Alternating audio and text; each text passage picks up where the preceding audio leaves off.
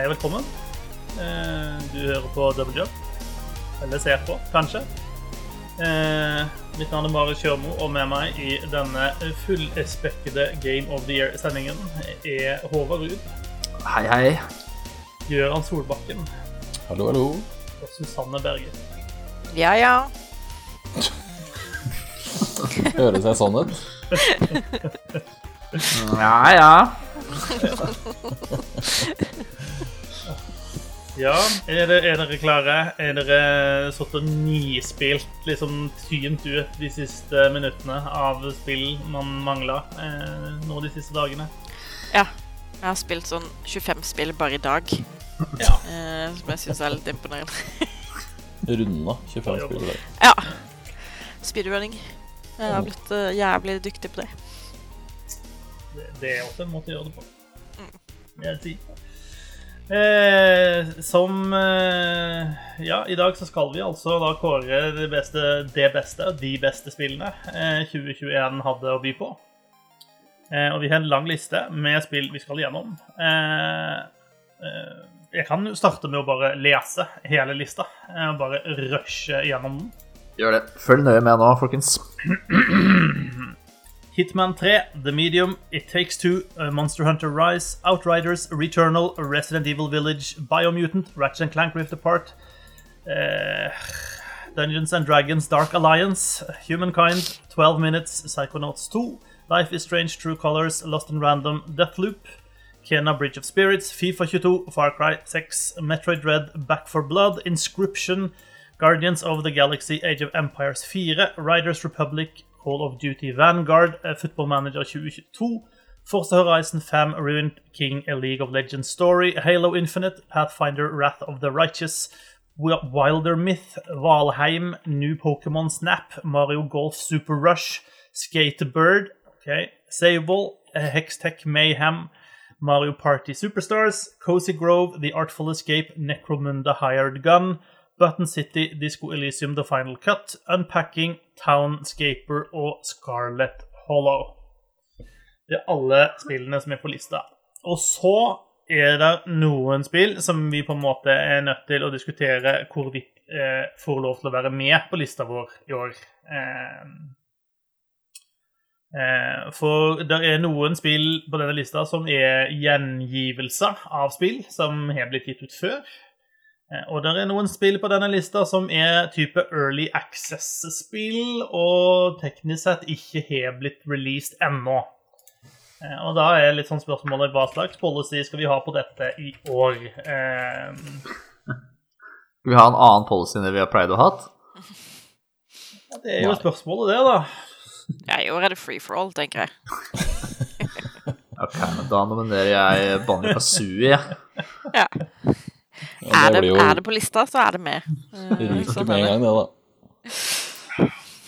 Det er ganske mye her som skriker før. Det er- Selv om det er 25 år gammelt. Hvis vi starter med Disco Elysium The Final Cut, da, så er jo det et spill som kom ut for ikke veldig lenge siden, men ikke i år. Det Er ble jo Game of the i Year år? 2019. Yes. Disco Elysium The Final Cut kom ut i år. Final Cut kom ut i år. Ja. Men er det nok annerledes enn å bare si at dette er Disco Elysium på nytt igjen? Ja. Nei, det er jo ikke det. det jeg fikk ikke være med på hypen sist gang, og nå har jeg endelig fått spilt det jævla drittspillet. Så jeg syns Ja. du skal være med. Men det er, ikke noe, det er ikke noe gøy, da, fordi det hadde jo vunnet i år igjen, mest sannsynlig. Ja, greit. Ja, Greit. for det er så bra. Mm. Så du kan få lov til å si hva du synes om det nå. Og så Det er at det vinner. Mm. Spilljournalister, dere, vi kan ord. Yes. bare spill det. Hvis du ikke har spilt det ennå, sånn som jeg. Eller jeg har jo spilt det. Hvis du ikke har spilt det ennå, herregud, da feiler du det.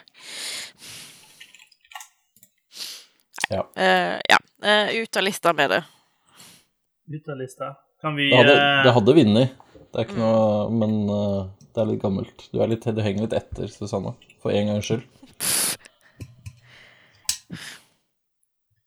Brein.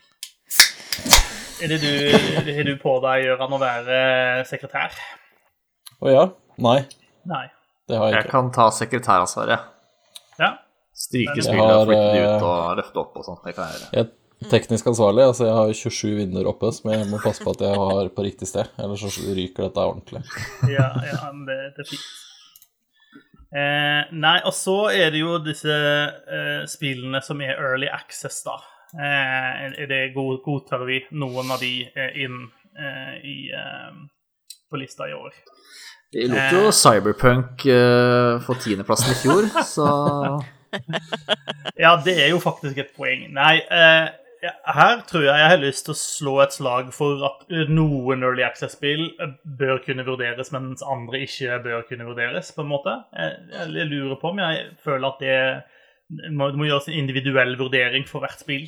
Så de Early Access-spillene som du liker, Mm. kan eh, bli igjen. Det er korrekt. Eh, nei, men det er et um, Jeg syns det er et argument for at noen Early Access-spill som kommer ut, er ganske ferdige. Altså, de er Mm. ganske feature-ferdige. Kanskje har de til og med den narrative biten ferdig. Eh, og så er det noen spill som definitivt ikke har det. Eh, og to eksempler da. Det ene spillet som er på lista her, Valheim, mener jeg bør kunne være med i år. For jeg syns at det spillet er ferdig nok til å liksom høre hjemme her. Eh, mens et annet spill som ikke er på lista her, som heter uh, Baldur's Gate, eh, syns jeg ikke bør være med, fordi det spillet er absolutt ikke ferdig eh, ennå. Eh, og jeg syns altså, det er bare- vesensforskjell der, da.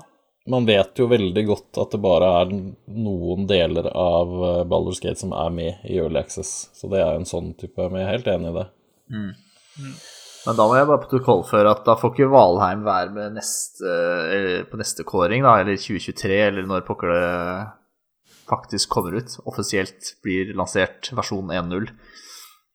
Nei, Det får ikke være med på eh, DJ Goti dag to, men det kan jo selvfølgelig dukke opp detaljer som hører hjemme på dag én. ja, ja, ja, ja. Ja. Bra presisering. Da er vi, da er vi enige. Ja. Du og jeg, i hvert fall. Det var- Ja, Nei, men da høres det noen Det høres ut som at, eh, at Valheim får lov til å stå. Eh, altså får vi se det om det er andre spill på denne lista som er Early Access, som jeg ikke sånn har tenkt over sånn umiddelbart. Det kan jo selvfølgelig være. Men det, det kan vi komme dragende med når vi er uenige i at noen vil ha det høyt på lista. Eh,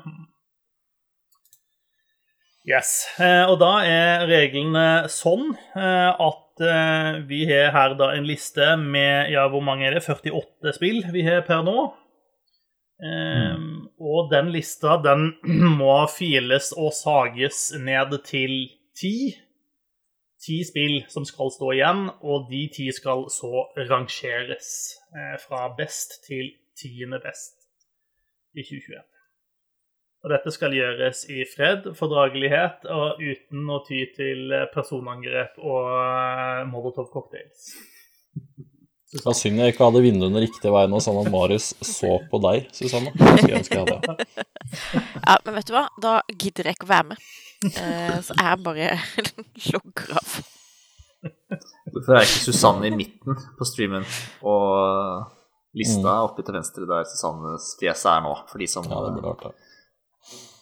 Burde ha vært. Ja. Bare vent til jeg begynner å snakke dritt om Artful Escape og Cozy Grove. Da Da tenker jeg. For øvrig, de som, de som ser på dette live på Twitch eller i opptak på YouTube, eh, de får jo da se denne fantastiske produksjonen eh, vi liner opp her, eh, der du har våre fire smukke ansikt eh, om, eh, som omkranser eh, et Excel-ark eh, med navn på spillene vi prater om. Mm. Så dette lite eh, tips eh, til, til våre audiolyttere, at eh, de kan gå det er mye, det er mye nydelig snacks eh, å få med seg av det visuelle eh, hvis man tar en tur innom det. Mm. Ja. Skal, skal vi bare begynne? Eh, det er naturlig å starte med spill som skal ut, tenker jeg. For det er jo en del her eh, som ikke hører hjemme på en topp 10-liste. Det er det vel lov til å si. Jeg begynner rett på Skatebird, jeg, sjøl om jeg vet at det er et spill ingen av oss har spilt på lista, til og med. Uh, Skatebird var et uh, ærlig forsøk, uh, med en helt forferdelig gjennomføring. Uh, fysikkbasert arkadeskating. Uh, som jeg sa også i dag én-kåringa, det er nå prøvd og bekreftet at det er en dårlig idé. Aldri gjør det igjen. Ja. Det er, eh, jeg kan ikke huske å ha spilt noe, et spill som er dårligere enn eh, Skateboard. Det er røft. Ja, beklager. Det var, altså, noen spill må vi bare ta med på lista for å kunne kaste de ut. eh, Fordi de fortjener å bli kastet ut. Ja, det er Ja. sånn. Så kan vi kanskje se på den vi, som jeg tror ingen av oss har spilt, da. Uh, Age of Empires 4. Ja. Ut med det. Og det er jo egentlig litt synd, for det er jo ikke sikkert at det er et dårlig spill.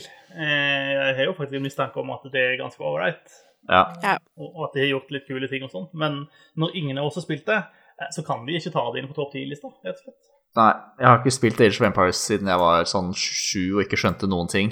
Ehm, men jeg hadde faktisk lyst til å spille dette, men jeg har bare ikke funnet tid. Eller prioritering, er vel kanskje riktig å si. Nei, litt, litt samme her. Det har vært meget annet. Eh, rett og slett. Og så er det en RTS, og RTS, det det var jeg for gammel for da jeg var 20 år, på en måte. Eh, ja.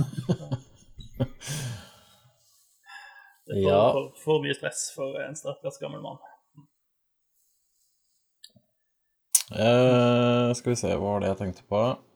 Hextag Mayhem er det vel ingen som har rukket å spille ennå? Heller. Jo da. Jo, du har rukket det? Da skal Ja, jeg ta har eh, spilt litt uh, i juleferien. Det er jo dette eh, Et av de to League of Legends-spillene som har kommet denne høsten, eller kan på sommeren, eh, som ikke er League of Legends. Um, og jeg så litt eh, Da jeg så litt videoer og litt bilder av det, så syns jeg liksom det så ut som eh, Så ser det ut som en sånn type sånn Donkey Kong Country-plattform, 2D-plattformspill. Som jeg tenkte dette er jo, må jo være midt i blinken eh, for meg. Um, så viste det seg at det er jo et rytmespill. Eh, hvor uh, historien er vel at er, Jeg husker ikke hva helten heter engang, men en av heltene fra League of Legends uh, vil lage Vil synes det var veldig kult å lage verdens største bombe. Så han drar på eventyr for å vet ikke, samle sprengstoff eller et eller annet.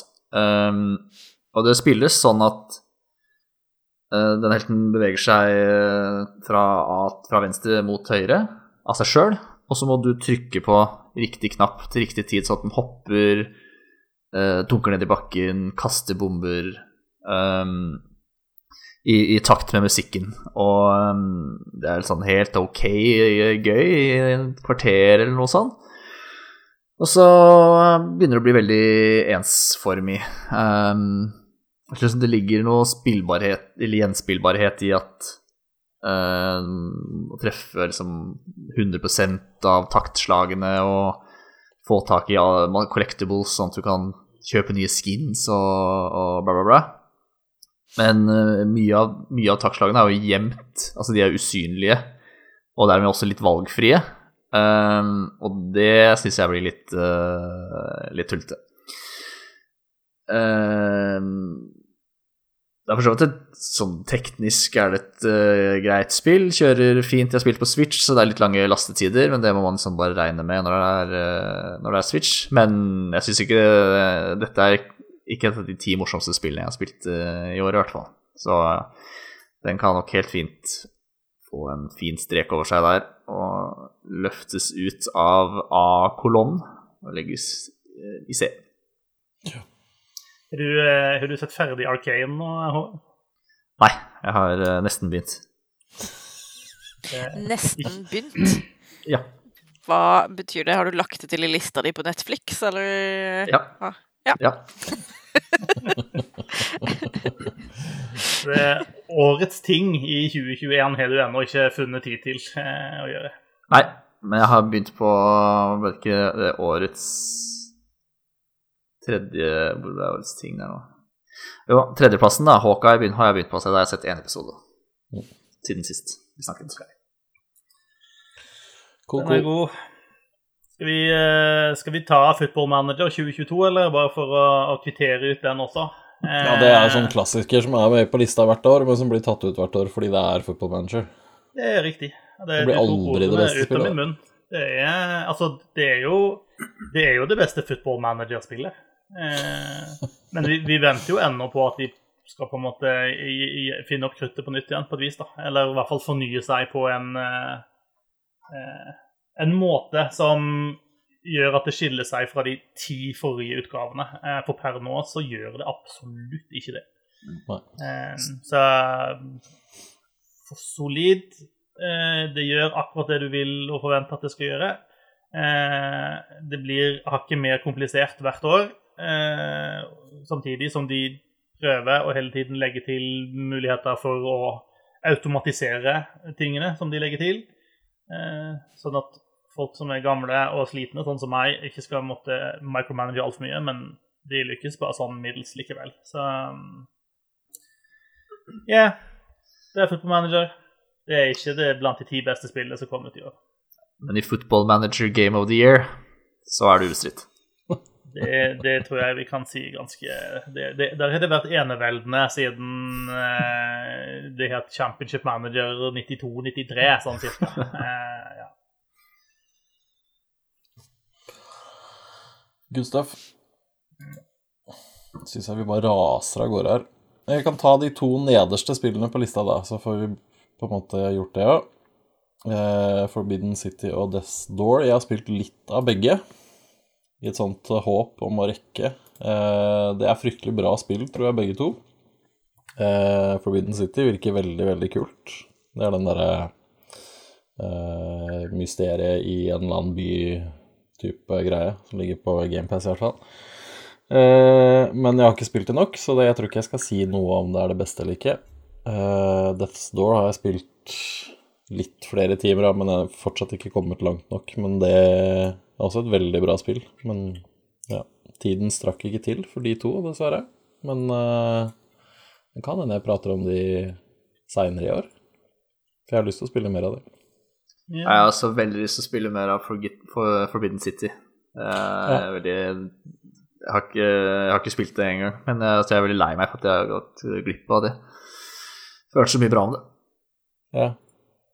Er det, nå må jeg bare spørre, er, er, det Forgotten City vi, vi snakker om her? Ja, Forgotten City, City er det, kanskje. Ja. Ja, Forgotten City, selvfølgelig. Ja, for jeg var i ferd med å si Forgotten, men så så jeg at det Ja. sto Forbidden Ja, ja, i ja. lista. Da ble jeg skikkelig usikker, og så sa jeg Forbidden. Tok sjansen på det som Det var jeg som uh, panikkla til.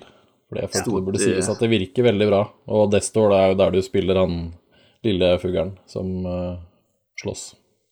Det ser kjempegøy ut. Det er veldig gøy. Eh, veldig morsom sånn sjangerblanding. eh, og veldig sjarmerende stil og alt mulig sånn. Og kul, kul utforsking, men eh, rett og slett ikke spilt nok. Forgotten City er jo, er jo et spill som har versert på en del andre sine sånn topplister eh, for, for 2021, så det er egentlig litt synd vi ikke spilte mer, men har liksom eh, det, det, har- det her lukta litt for Walking Simulator eh, for at jeg har klart å, å kaste meg ut i det. Eh, Det er vel basert på en Skyrim-mod, er det ikke det? det? det, det starta vel som en sånn Elder Scrolls-greie, ja. Altså, Ja. Det er jo basert på en walking simulator. OK. eh,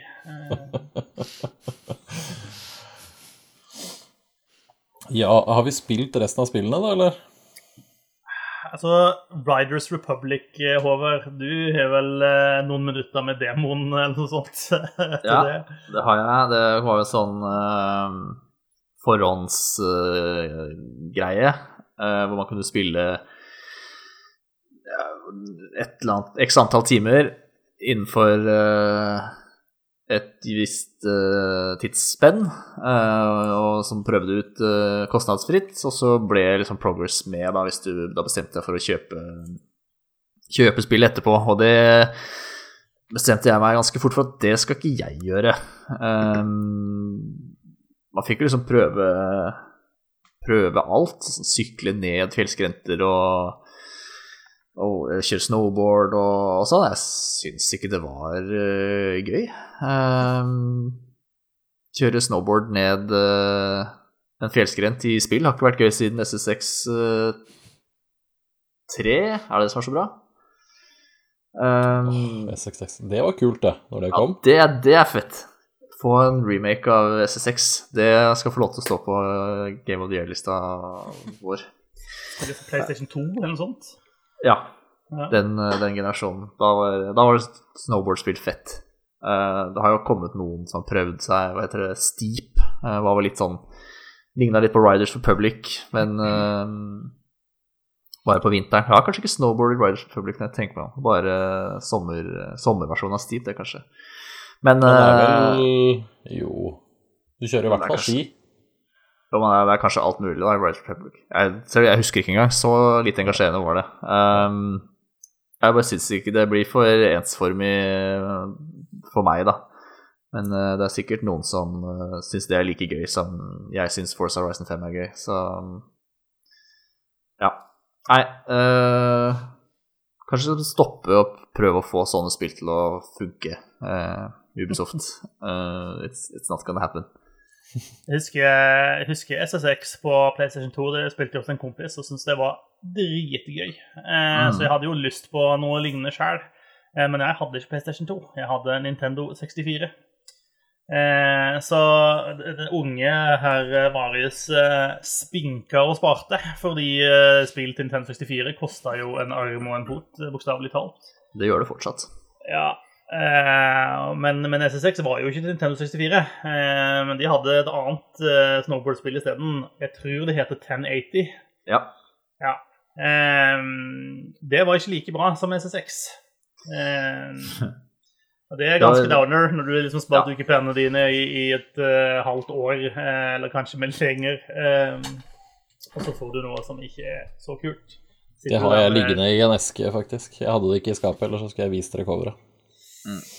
Ja, det, det, det var veldig bra for sin tid, da, Teneri 1080. Men uh, SSX3 er jo noen år eldre, så ting hadde jo utviklet seg ganske mye mellom de to utgivelsene. Eh, men jeg husker SSX3, der kunne jeg liksom bli sluppet av på toppen av fjellet og så bare cruise ned uten noe annet mål og mening enn å komme til bånn.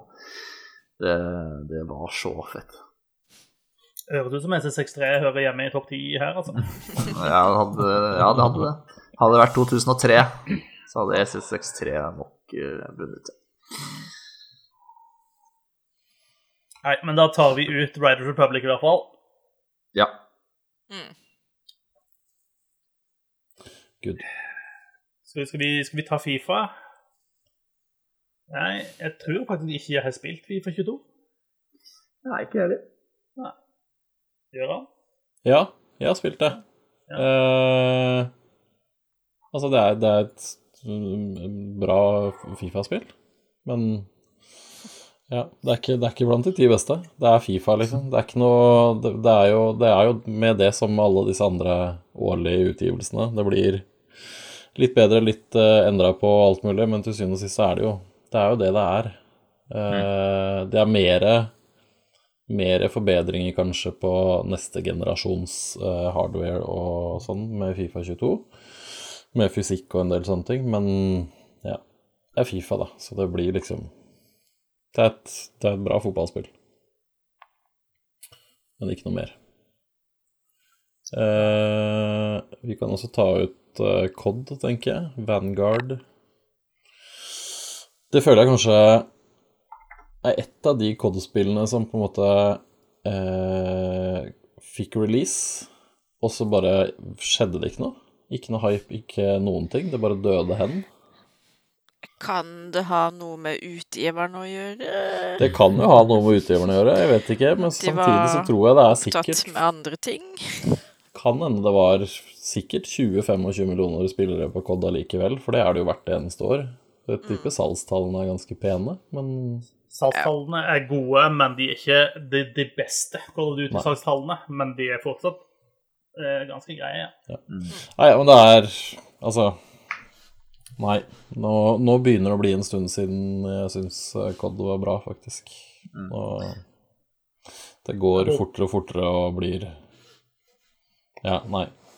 Det er ikke noe gøy lenger. Ja, jeg fikk nesten ikke med meg at det kom ut en gang, jeg, så det er nok eh, en av de mer forglemmelige utgivelsene i den serien.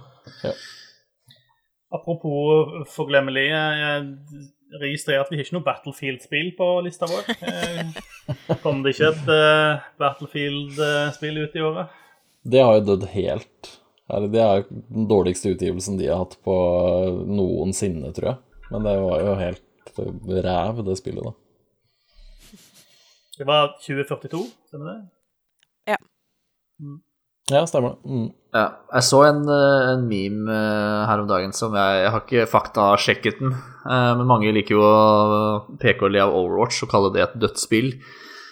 Men det har jo flere daglige seere på Twitch enn Code Vanguard, Battlefield og Halo Infinite til sammen.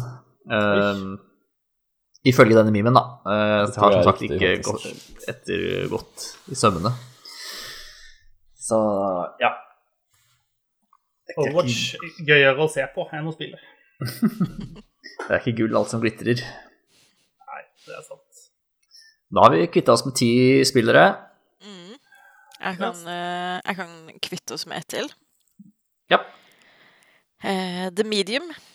Nei. Jo, Å nei. for det er bare helt, helt medium. Er det, det er det haugen du skal dø på, Gøran? Mm. Ja. Det var et eller annet med den slutten der som bare tok meg helt uh...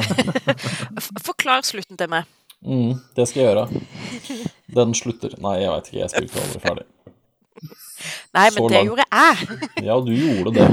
Du Ja, var vel den de eneste siste- som gjorde det her òg, tror jeg. Nei, hei, hei, hei. Ja. Jeg kom meg helt til slutten. Oi, oi, oi. Ja, og de siste tre timene var jo bare på trass. Ja, faktisk. Ja, da var jeg bare liksom Da var jeg sint og ville bare bli ferdig. Fordi da var jeg så lei av liksom clanky kontrollere og fastlåst kamera som bytter liksom retning i hytt og gevær, så du ender opp med å løpe feil vei, og så blir du tatt av den der store, usynlige monsterjævelen.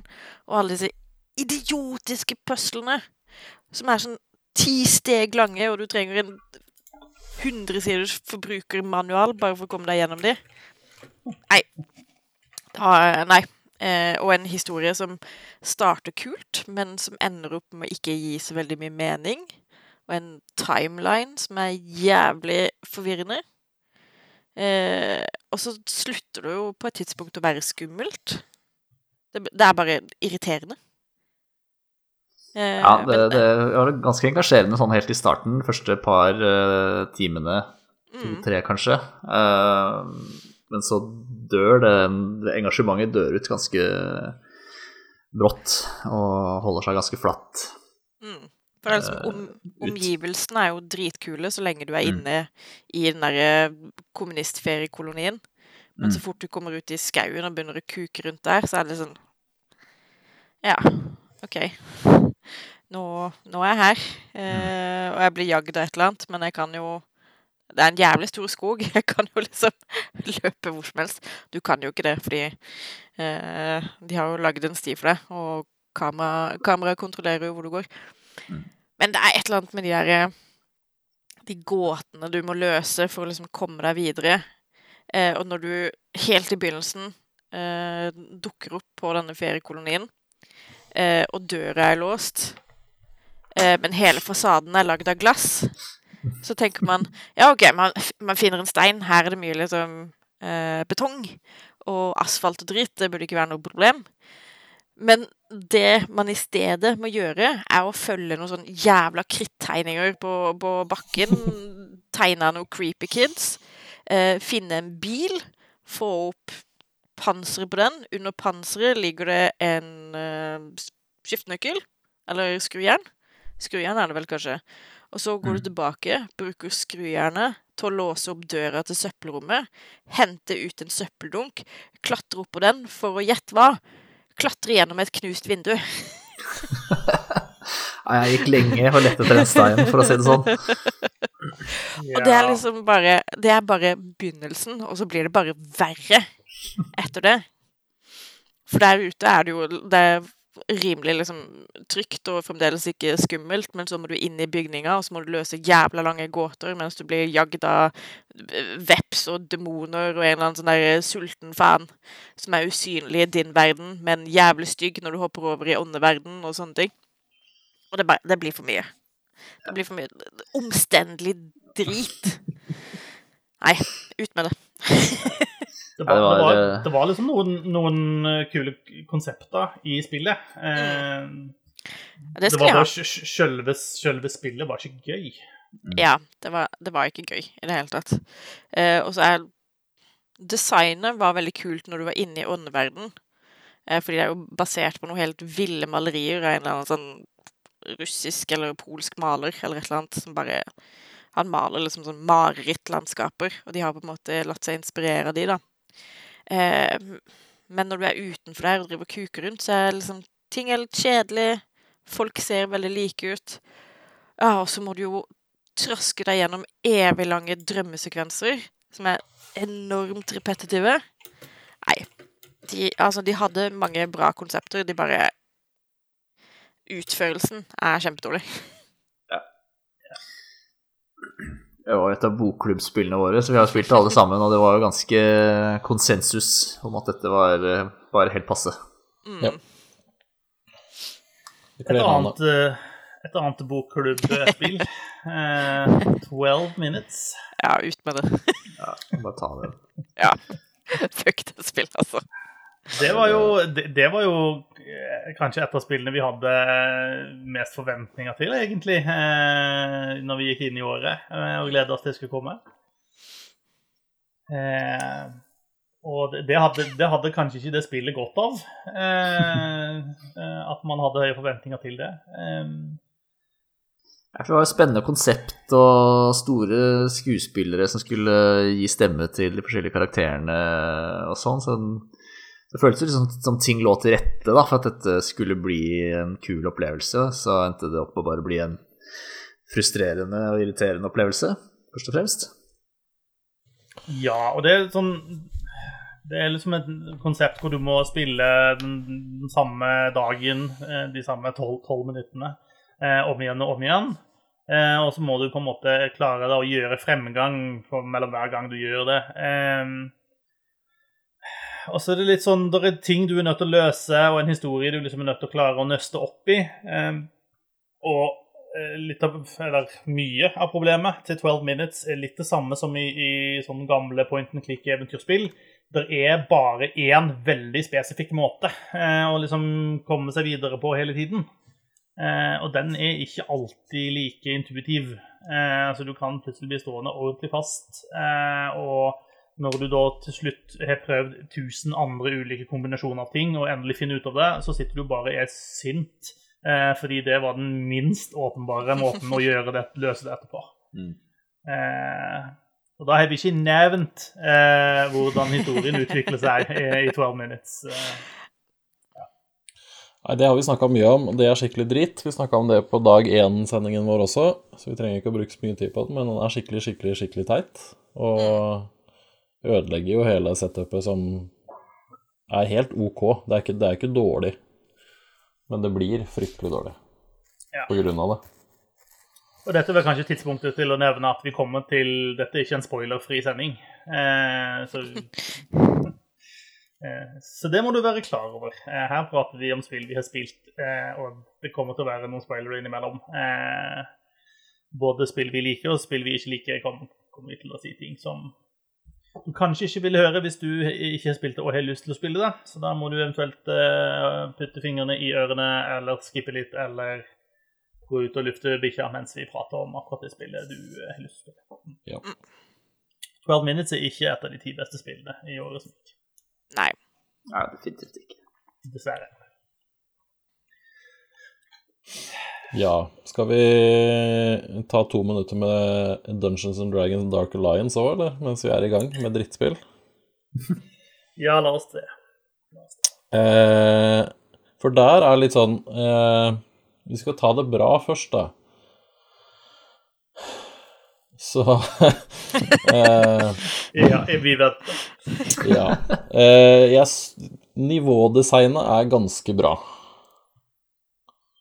Spilte du mange av nivåene? Nei, tre av de var jeg vel innom, tror jeg. Mm. Det er helt greit, men det er veldig mye annet i det spillet som ikke er bra. Men eh, altså, det som er viktigst her, da, det her er jo et sånt fireplayer co-op-spill. Eh, du skal fra start til slutt på et nivå med inntil tre andre venner. Eh, og det er et, et type slåssespill du spiller som fire kjente helter i Dungeons and Dragons-universet. Eh, og skal slåss mot masse, masse, masse fiender. Og kampsystemet fungerer nesten ikke, vil jeg si. Det er på grensen til ikke-fungerende, fordi du kan eh, Du kan Altså, du har et sånn type lett angrep, et tungt angrep, og så har du forskjellige sånne special abilities. Og når man trykket f.eks. på et lett angrep, så kunne det være en ganske stor eh, sånn lag mellom når jeg trykka, og når det skjedde noe i spillet. Det i seg selv gjør at et sånt spill ikke fungerer. Men hvis du var så uheldig at du starta et sånt spesialangrep, og den fienden f.eks. flytta seg, så blei det en sånn rar sånn fysikkgreie, sånn at du dro og spora av, og så skøyt den av gårde, og så blei det bare helt kaos. Du hadde jo ikke kontroll på hva som skjedde i det hele tatt i kampene. Nei, du ble så låst i animasjonen du hadde satt i gang, eh, Ja. at eh, Ja, nei, du, du Du endte opp med å bli tilskuer til din egen slåsskamp, på en måte. Eh, ofte. Og det var mye bugs også, og eh, ja, Jeg vet ikke. Jeg, jeg syns ikke det så veldig imponerende ut heller. Og så hadde de en Jeg husker ikke det systemet de hadde med den der sånne hub world som du var inne i, var også ganske ubrukelig. For det var sånn Det var én som måtte være host. Mm. Eh, og når vi spilte, så var, så var du host, Gøran. Eh, og det betydde at jeg kunne ikke gjøre noen ting eh, med min karakter i, så lenge jeg var inne i din hub-verden. Eh, sånn at når jeg level opp, så kunne ikke jeg levele opp, eh, f.eks. Eh, hvis jeg fikk items, så kunne ikke jeg equippe itemsene på karakteren min. Da måtte vi gjøre ferdig spillet vi var inne i, og så måtte jeg si ha det til Gøran, og så måtte jeg gå ut inn i min egen hub-verden og levele opp og gjøre de tingene. Og så kunne jeg gå tilbake igjen til Gjøran, og så kunne vi spille et ny runde eh, på et nytt brett. Ja, Det er jo ikke en god måte å gjøre det på, det går det vel an å si. det kan man trygt si. Nei, skikkelig dårlig, faktisk. Og skuffende. Det kunne vært gøy, eh, men eh, den gang ei. Ja. Gøy var det i hvert fall ikke. Nei, det var faktisk ikke det. Ikke i det hele tatt. Ja, noe mer vi skal uh, pælme ut av lista? Jeg kan eh, ta New Pokémon Snap.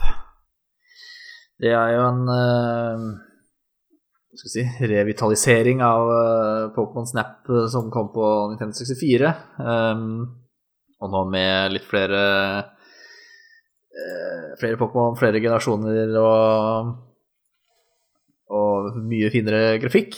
eh, hvor man sitter i en tralle som kjører gjennom en, ja, litt forskjellige um, varierte områder. Jungel, det er strand, det er eh, eh, I hvert fall de to, som jeg så langt, langt gadd å spille. Eh, men jeg syns det blir litt eh, ensformig.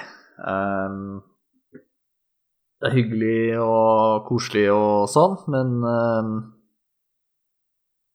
det, det er litt sånn jaget for å finne litt sånn For å ta det, liksom det beste bildet, da, så du får den beste scoren på hver Pokémon og sånn. Eh, litt slitsomt å finne ut liksom når og hvor og hva du må gjøre for å sånn få akkurat den Pokémon til å gjøre en, en kul ting eller gjøre noe annerledes. Um, som bare ble for slitsomt, uh, egentlig. Og det er forskjell om du kjører på dagen eller om du kjører på natta. og Eh, gøy og spennende sånn til å begynne med, men liksom ikke nok til å holde på oppmerksomheten min, og, så jeg spiller hele veien gjennom. Da. Så um, et uh, helt greit spill, for all del, men uh, det er ti andre spill som uh, danker ut her. Det har du nok rett i.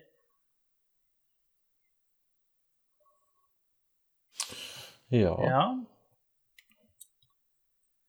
Da er det ganske mye eh, bra spill igjen på lista. Det er det.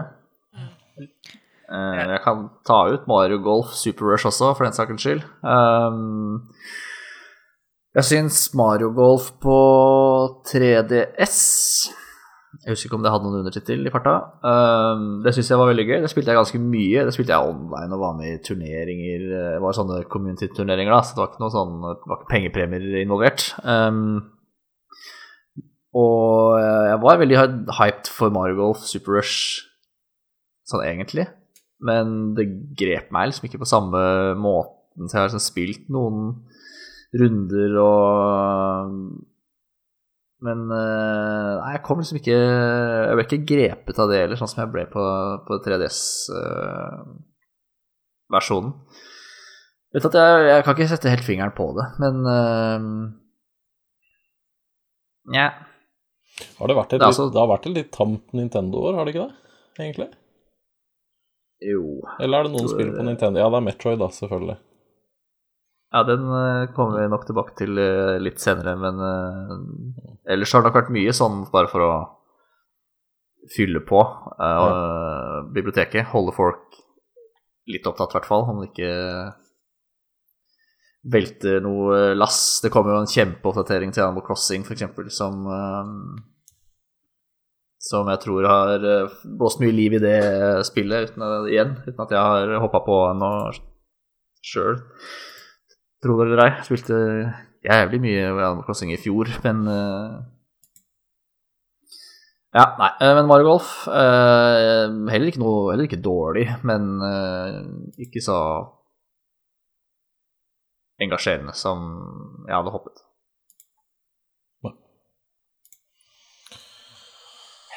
Skal vi ta, skal vi ta Far Cry 6? Ja, det må det du bestemme. Et, det er også et spill som ikke kommer på topp ti i år. Um, Fucker 6 er litt sånn merkelig spill. for Det er sånn Hva skal jeg kalle det? Det, det, det, det er et så gjennomført syv av ti-spill, på en måte. Uh, det, det, er ingenting som er elendig i det spillet. Uh, det er sånn, altså, spillet er liksom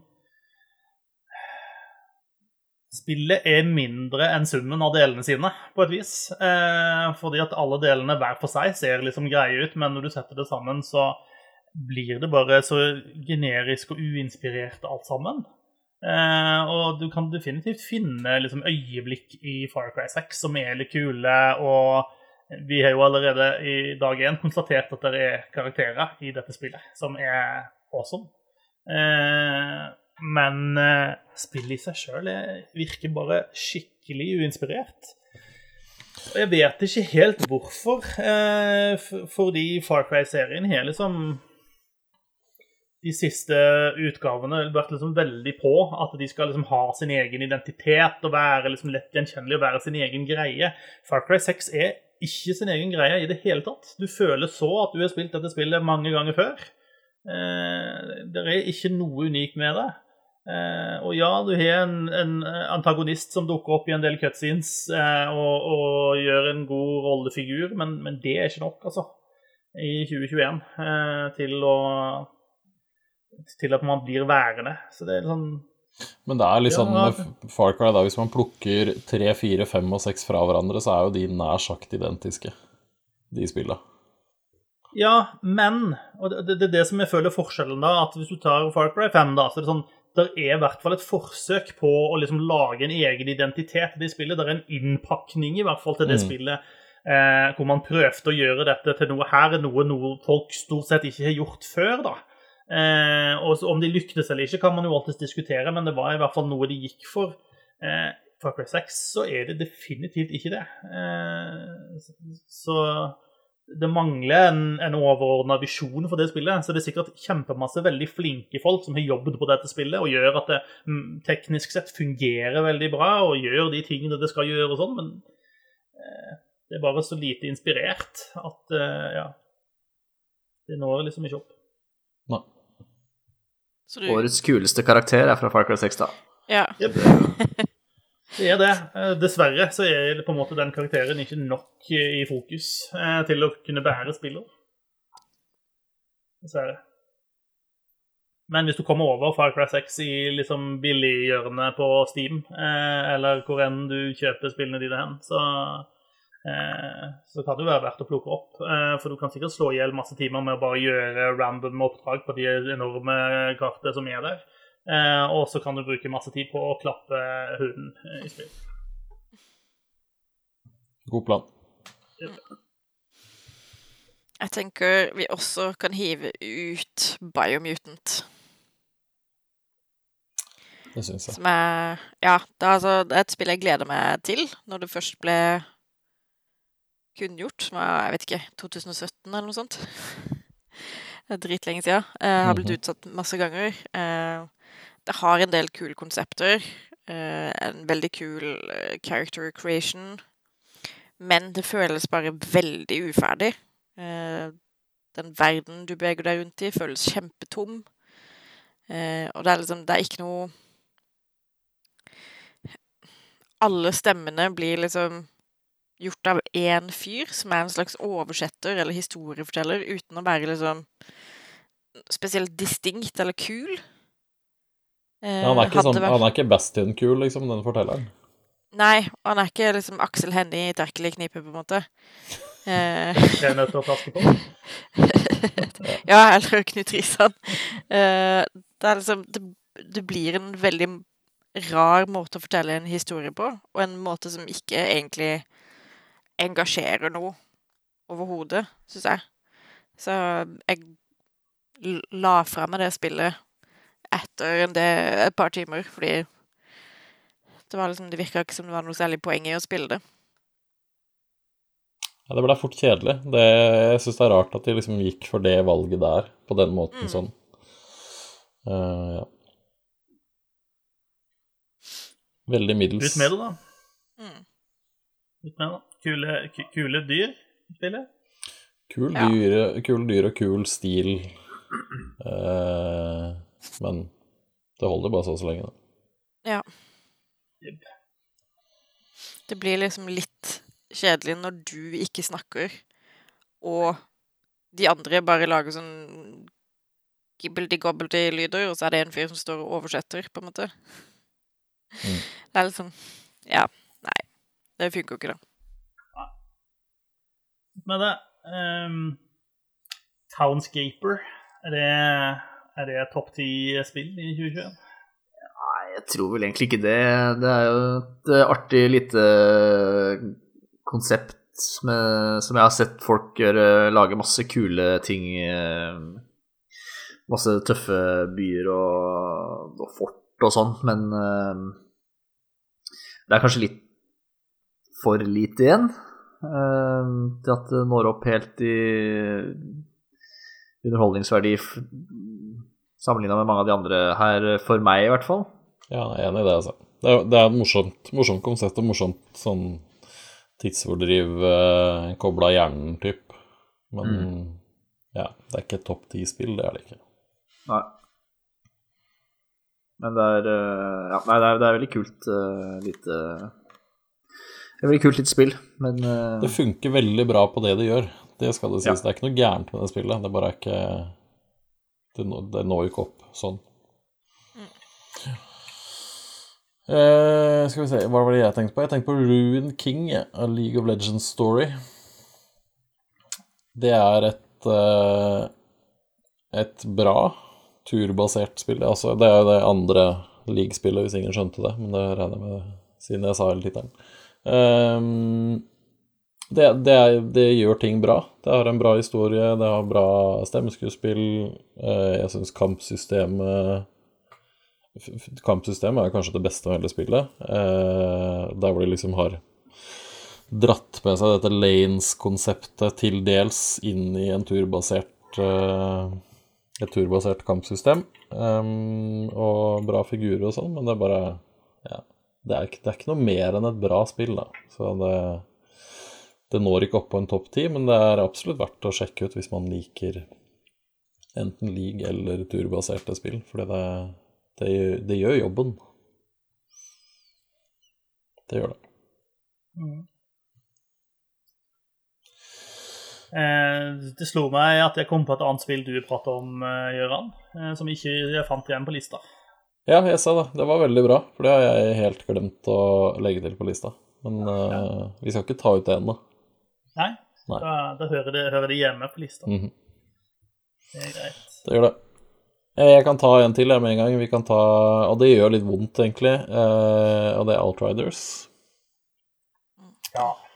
Eh, for de første ah, hvor, mye, hvor lenge kan det være? da? Første 30 timene, kanskje?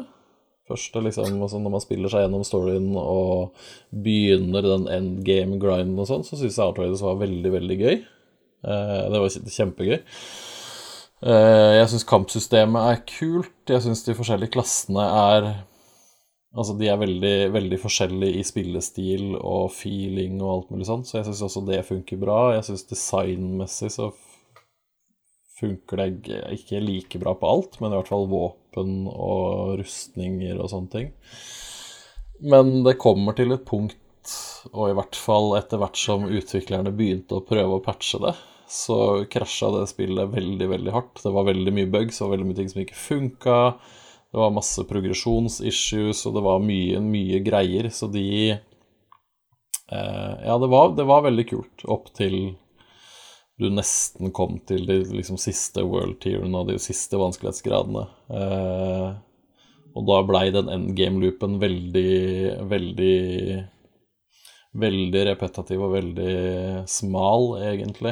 Og masse ting som ikke funka, og så patcha de det, og så blei det to nye ting som ikke funka, og igjen Og så blei det bare masse kødd og rot. Og nå har det vel egentlig nå for ikke så lenge siden kommet med en patch som visstnok skal ha gjort, gjort, en del for, for spillet, men jeg tror ikke jeg kommer til å plukke det opp før det kommer en DLC i, i dette året. Men eh, ja, kult en stund, og så bare krasjer det hardt. Så det er nok ikke topp ti, dessverre. Men det var veldig gøy syns jeg.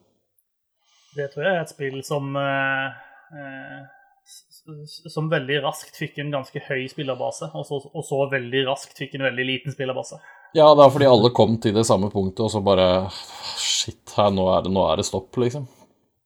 Og så var det I starten så var det et par abilities og et par klasser spesielt, da, som var så ekstremt mye bedre enn de andre. Eh, så det var liksom, hvis du var på type World Tier 15, da, som var det vanskeligste eh, Så hvis du spilte den rette klassen med de, egentlig den rette, rette skillen i starten, men også hvis du hadde ett eller to våpen som funka, så bare blåste du gjennom det på typ to, tre, fire minutter, mens to av de andre klassene knapt nok greide å gjøre det innholdet i store og hele. Så det blei en sånn veldig balanseissues og sånn. Så jeg tror det var der sikkert 90% av spillebasen datt av det var, det var, mye kult at de var flinke til å få deg til å føle deg veldig mektig. da. Mm. Eh, og det skulle du jo være. Eh, og det, det, var mye kul action der. Men, eh, men ja, jeg, det var flere av de tingene med de World Terrorene det som gjorde at jeg ikke helt eh, lot meg rive med. Og narrativet var vel ikke så sterkt heller eh, at eh, jeg lot meg trollbinde. Nei. Det er riktig. Da har vi altså 30 spill igjen på listen. Eh, og nærmer altså der er fortsatt noen, Jeg ser der er fortsatt noen litt lettvektere her, men nå, nå, er vi der at de begynner liksom å pirke borti der vi kjenner at uh, ja, det begynner å bli litt sånn Litt sånn vrient å skulle, skulle vinke farvel til, til, noen av disse spillene. da. Jeg kan se for meg at alle de 30 spillene kunne vært på en topp 10-liste hos en av oss. Ja. Kanskje ikke så langt unna, i hvert fall. Nei. Kanskje ikke så langt unna. Jeg, jeg, kan begynne med å kaste ut en, jeg, for å bare la snøballen rulle videre. Um, Humankind uh, kan vi nok ta ut av lista.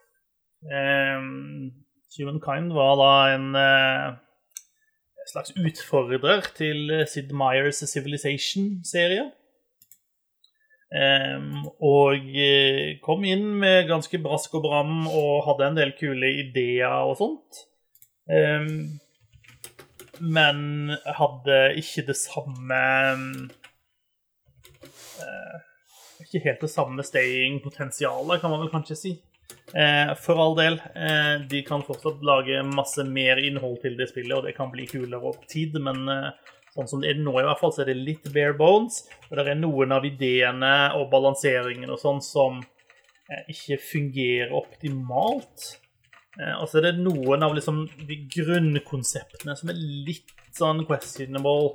Eh, du har annet denne her eh, victory scoren som du hele tiden driver og, og jobber deg opp mot, og som tidvis kan føles så utrolig punishing når du egentlig gjør på en måte, Du føler du gjør alt riktig, du dominerer på denne planeten du befinner deg på, og allikevel så er det noen andre som har betydelig høyere victory score enn deg. Altså. Så det er noen ting der det trenger seg å knekkes litt opp og røskes litt i og tenkes litt nytt for å, å gjøre det til, eh, til, til, det spillet det kan bli. Eh, i, I 2021 så, så, klarte det ikke det. Kanskje, kanskje 2022 er et bedre år for Humankind. Men ut må det. Ja.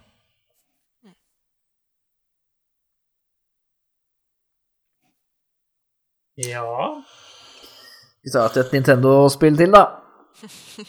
Mario Mario Party, Mario Party Superstars uh, er et veldig, veldig mye bedre Mario Party enn Hva het det forrige som kom? Super Mario Party? Et eller annet sånt. Mario Eh, Super Party. Mario Party Super. Et eller annet sånt. Uh, Party Super Mario. Party Mario Super. Ja. Eh, Det hadde ganske betydelige mangler. De hadde flikka litt på formelen. Gjort brettet mindre, gjort det billigere å kjøpe stjerner. Det var masse, masse stjerner i, i omløp i, de, i det spillet. Mens i Mario Party Superstars så har de liksom tatt det tilbake til uh, røttene, da. Hvor uh, jeg tror de, det er de tre, kanskje til og med fire første. eh, eller er det fem, for det er fem brett? Samme det. Um, men eh, det er, det er større brett. Um, minigames fra de gamle spilla. Borte er alle de der veivingene og sånn som du måtte holde på med i det forrige.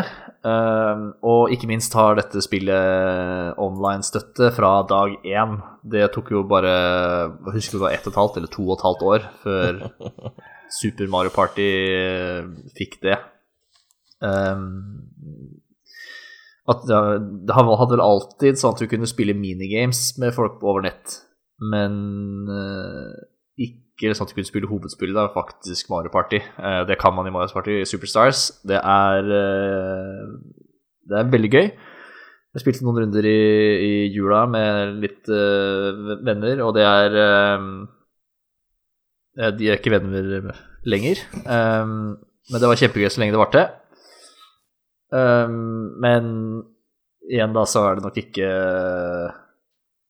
topp ti-greie. Uh, skal du ha et Mario Party på, på Switch, så er det dette Mario Party du skal kjøpe. Um, eller trenger et nytt multiplayer-spill til Switchen din, så er det er Mario Party Superstars et, et helt trygt valg, men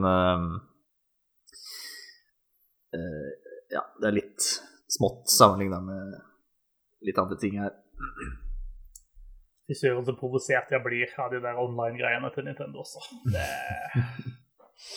Ja. All right, ut med Mario Altså, hvis, hvis, hvis noen gang et Mario Party-spill kommer på topp ti, eh, da, da Da tror jeg det er det samme året som Dovre faller, for å si det sånn. Eh, ja. Jeg tenker at jeg også kan hive ut uh, Button City. Jeg tror kanskje jeg er det eneste, er den eneste som har spilt også. Men det er, det er et veldig søtt og veldig sånn 90-tallsnostalgisk uh, lite indiespill om en, uh, om en kid som flytter til en ny plass uh, og får seg venner ved å henge på den lokale arkaden. Uh, hvor de spiller forskjellige arkadespill. Og da er det med minispill, minispillet. Stemmer. Ja.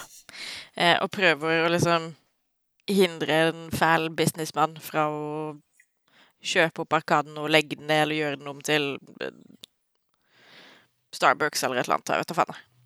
Eh, men det, det er et kjempesøtt spill, men det er liksom det prega av at det er indie-utviklere, og hadde en del bugs i begynnelsen som gjorde at man ikke kom seg videre i historien. Eh, fordi man måtte gjennom en del minispill.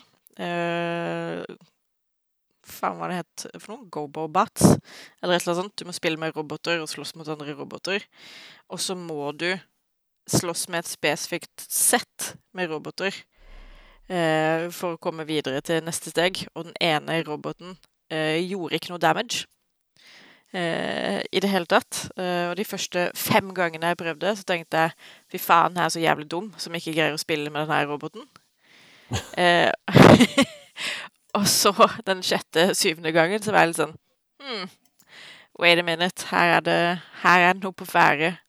Og så tweeta jeg utviklerne og så var jeg sånn Hallo, dette skjer når jeg spiller med denne roboten. Er det bare jeg som er dum, eller er det noe annet på gang her? Så de bare Nei, det var en bug. Eh, han, denne roboten gjør ikke noe damage. Rett og slett, de prøver å få patcha det. Og det har blitt patcha på liksom PC og sånne ting, men ikke på Switch ennå. Så da var det liksom flere, flere dager hvor jeg ikke kunne spille spillet fordi jeg kom ikke videre. Eh, og så er det liksom det er, det er, lite og søtt, men det er på en måte ikke Det, har ikke blåst sokkene av meg, på en måte. Eh, jeg tenker for at du skal være i topp ti, så bør du i hvert fall blåse av meg én sokk. Mm. Du bør i hvert fall henge og slenge litt i vinden. Ja, ja den bør i hvert fall ha sklidd ned bitte litt. Mm. Sitte litt dårlig, litt skeivt. Mm, ja. Eh, så Button City kan ut.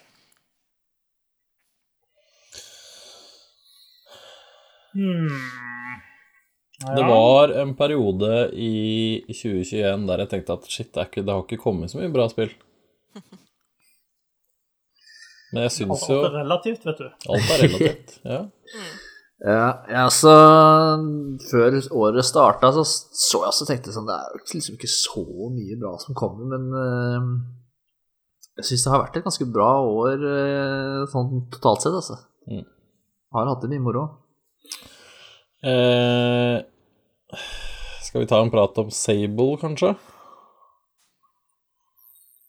Mener du det? Ja, jeg lurte på det, men det er ikke sikkert, det er ikke sikkert man er klar for det ennå. Mm, men tenke litt på det. Jeg syns Sable synes jeg var en veldig fin opplevelse, egentlig. Mm. Mm. mm. Ja, nei, det er ikke sikkert man er klar for det. Jeg kan, eh, jeg kan ta en lett en, eller lett en er det ikke. Men jeg har spilt eh, i går og i dag, så jeg har spilt eh, et spill som heter Scarlet Hollow. Det er et lite indiespill fra Jeg tror det er én dame som har skrevet og, og, designet nesten hele spillet. Eh, det er en type sånn visuell eh, novellespill. Eh, alt er liksom håndtegna, håndtegna tegninger og Hei, Odd. Vi sier hei. Håndtegna tegninger, og så er det liksom dialogvalg. Eh, men det er veldig velskrevet. Det er veldig, veldig bra skrevet. Det er en historie om en Altså, du blir invitert tilbake til liksom eh, hjembyen din fra gammelt av fordi Jeg tror det var tante, tanta di som har dødd. Og så har det skjedd en greie der mellom eh, altså moren din og hun tanta da, som gjør at de har ikke prata sammen på lenge. Du, ikke, du visste ikke at du hadde en kusine engang, men det var hun som, eh, hun som inviterte deg. Eh, og så er det liksom begravelse og tilbake til liksom familiehjemmet og en del sånne ting. Det er en veldig fin historie. Eh, men det er gøy fordi i starten så velger du Du velger nesten en type klasse. Du velger noen sånne traits. Eh, og det var sånn, nå husker jeg ikke alle, da, men det var sånn street smart eller keen eye eller uh, veldig, veldig pen og sjarmerende, eller at du kan prate med dyr. Uh, Altså forskjellige sånne ting da, som påvirker dialogvalg eller ting du kan gjøre. Um, og da valgte jeg selvfølgelig å prate med dyr, uh, så jeg har prata med en uh, søt liten pug og en veldig sur, gretten katt uh, enn så lenge. Veldig morsomt. og så er det veldig Det er veldig mange valg du gjør underveis som faktisk styrer hvor historien går, og hvordan dialogen blir med karakterene seinere. Det er veldig merkbart at valgene du gjør, får en konsekvens. Og det er litt sånn forfriskende, for det er litt sånn Det er mange spill som gir deg valgene, men som til syvende og sist så ender du opp på samme stedet mer eller mindre. Eh, her virker det som det er liksom veldig, veldig mange sånne branching narratives ute og går. Så eh, det er veldig bra. Er, jeg, jeg, vil absolutt anbefale å sjekke det ut. Uh, jeg tror det er flere her i podkasten som hadde likt det veldig godt. Uh, det, er ikke, det, er ikke, weird sånn som uh, Sånn som Ja, ja. Sånn som noen sånne visuelle noveller kan være, Håvard. Det er ikke sånn rart og creepy sånn. Men Kjempebra. Men jeg tror ikke, jeg tror ikke det når opp på topp ti-lista vår, kanskje. Jeg tror kanskje det eh, Kanskje det kunne sneket seg inn på min. Eh, men det er bare så vidt jeg har skjønt, så er det episode typ 1 og 2 av 7. Eh, selv om det føles ut som en litt sånn enkeltstående, så vet jeg ikke helt hvor de skal dra den videre. Men uh, ja. Verdt å sjekke ut. Jeg tror ikke det er Det er et veldig lite sånn indie-spill, så det er sikkert ikke Sikkert ikke så mange som har spilt og hørt om det. Men ja. Ute, ute av denne lista, i hvert fall. Yes. Noe mer vi kan eh, pælme ut? Er vi, eh, er vi klar for å prate om Back for Blood, f.eks.? Ja Hadde det funka litt bedre, så hadde det kanskje vært verdt med å ta med på topp ti-lista, men det er jo det er litt flykrasj innimellom over det spillet. Ja, altså hadde de ikke gjort spillet verre ved å prøve å fikse det, så hadde kanskje havna, havna høyere opp på lista. Altså, det var jo kjempegøy når det liksom først kom ut, så man kunne spille sammen, og, og ting gikk liksom litt smooth. Eh, men så la vi jo fra å spille eh, en stund, og så hoppa vi inn igjen der vi slapp forrige gang. Og så samme vanskelighetsgrad, samme karakterer og alt mulig. Og så er det plutselig dritvanskelig, og vi greier jo ikke å komme forbi ett kapittel en gang, liksom. Eh, som er noe Turtle Rock, holdt jeg på å si. Eh, Fraggle Rock, eller hva faen de heter. Eh, har gjort med vilje, virker det som. At de har på en måte Istedenfor å jevne ut vanskelighetsgraden litt, sånn at hoppet mellom lett og eh, normal ikke blir kjempestor, så har de bare gjort lett vanskeligere. ja.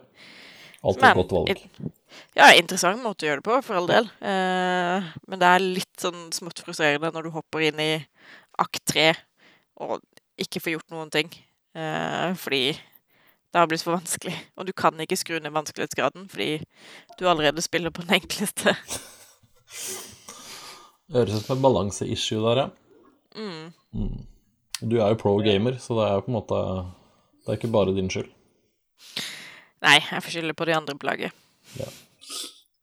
Jeg har også en litt sånn Og jeg vet ikke om det kan være fordi jeg begynner å bli gammel, eh, og at det er sånn alt var bedre før-take, eh, eh, men dette er jo helt definitivt et spill eh, som skal gi deg eh, litt sånn samme opplevelsen som da du spilte Left for Dead-spillene. Eh, og det er noe med den moderne innpakkingen på spillet som jeg syns blir slitsom. for i Left for Dead så var det liksom bare du blir slengt inn i spillet, og her starter vi, og her er rommet du er i, og plukker opp disse tingene og løper og, og dreper, på en måte, mens her har du hele greia med at du har en hub world der du går rundt og kan gjøre ting, og du kan drive og bytte ut ulike 100 000 forskjellige våpen og få deg ny veske og ny, nytt skjørt til karakteren din, og jeg vet ikke. Eh, jeg føler at det, liksom, det, var, det var, noe av den eh, av sjarmen fra Left for Dead som de ikke helt klarte å oversette da, til, til, eh, til Back for Blood, med de liksom de, de satte karakterene som var der og sånt. Så ja, jeg vet ikke. Det, det, ja, det, kan godt være det bare er jeg som er gammel, men ja, jeg syns ikke de helt klarte å få til den den litt sånn, kjam, sånn kjapp hopp i en spill, ha det moro, eh, hopp ut igjen, på en måte, som, eh, som dette har.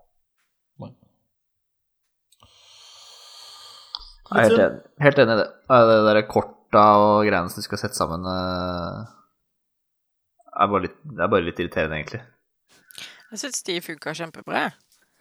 Eh, I hvert fall når man gjorde det ordentlig.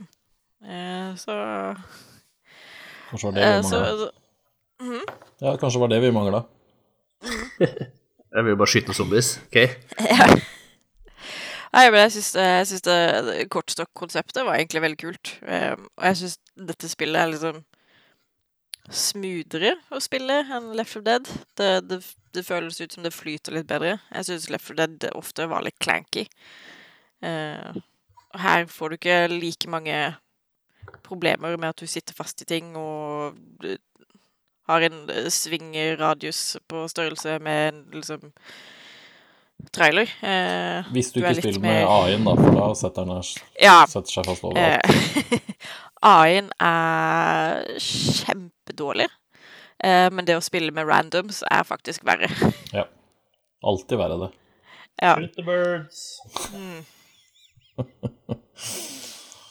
Jeg jeg, tror- jeg, hadde, jeg hadde gøy med spillet en god stund, og så eh, ja, falt ting litt i fisk, holdt jeg på å si. Mm. Så jeg Det er andre spill jeg heller vil ha på lista enn det, på en måte. Mm. Eh, så jeg, jeg blir ikke kjempesur om det fyker ut. Ut med det. Susanne er ikke kjempesur fortsatt. Det er jo en win for alle. Eh, ja. Det er litt sånn Bjørn sover-stemning, føler jeg. Ja. Uh, du var litt sånn lunken på Metroid, Håvard. Eh, ja Altså Når jeg tenker tilbake på det, så syns jeg hadde det egentlig gøy. Det var artig å løpe fram og tilbake og lese ting og sånn, men det er også mange ting i Metroid som er eh, litt frustrerende. Jeg syns uh, hintene er sånn Uh, Hvis du står fast i Metroid, uh, prøv å skyte veggen uh, taket, se hva som skjer så blir det litt sånn eh, Litt sånn øh, lite oppfinnsomt, kanskje. Um, og de derre robotene som kommer etter deg og for å kveste deg, da, som har en sånn timinga på å blokke angrepene og sånn, er jo helt på styr. Så det er bare slike ting altså først og fremst blir frustrerende. Sånn ødelegger en ellers ganske god opplevelse. Jeg vet det er mange som som hyller Metroid Dread og syns at det er et uh, fantastisk spill, og ikke minst uh, en sånn endelig et nytt Metroid-spill. Um, det var mitt første for, for øvrig, eh, så kanskje jeg som misforstår eh, et eller annet. Men eh, ja, det, det har sine gode og vonde sider. Um, og nå som jeg tenker tilbake på det, så husker jeg kanskje de dårlige best. Og det er jo ikke et kjempegodt tegn, kanskje. Føler ikke helt det, altså. Ut, ut med Metroid Dread, altså. Det er jeg nesten litt overraska over etter hva jeg har sett andre si om det spillet. Men eh, Ja. dette er Double Jumps liste, og ikke André sin liste. Så det Nei, André har ingenting med det å gjøre. helt uh, riktig. Jeg må si, det er sånn eh, det er litt sånn artig dynamikk i, eh, i disse Game of the Year-sendingene hvor eh, For vi har, har vi en liste her med Hvor mange spill har vi igjen? 24? 24.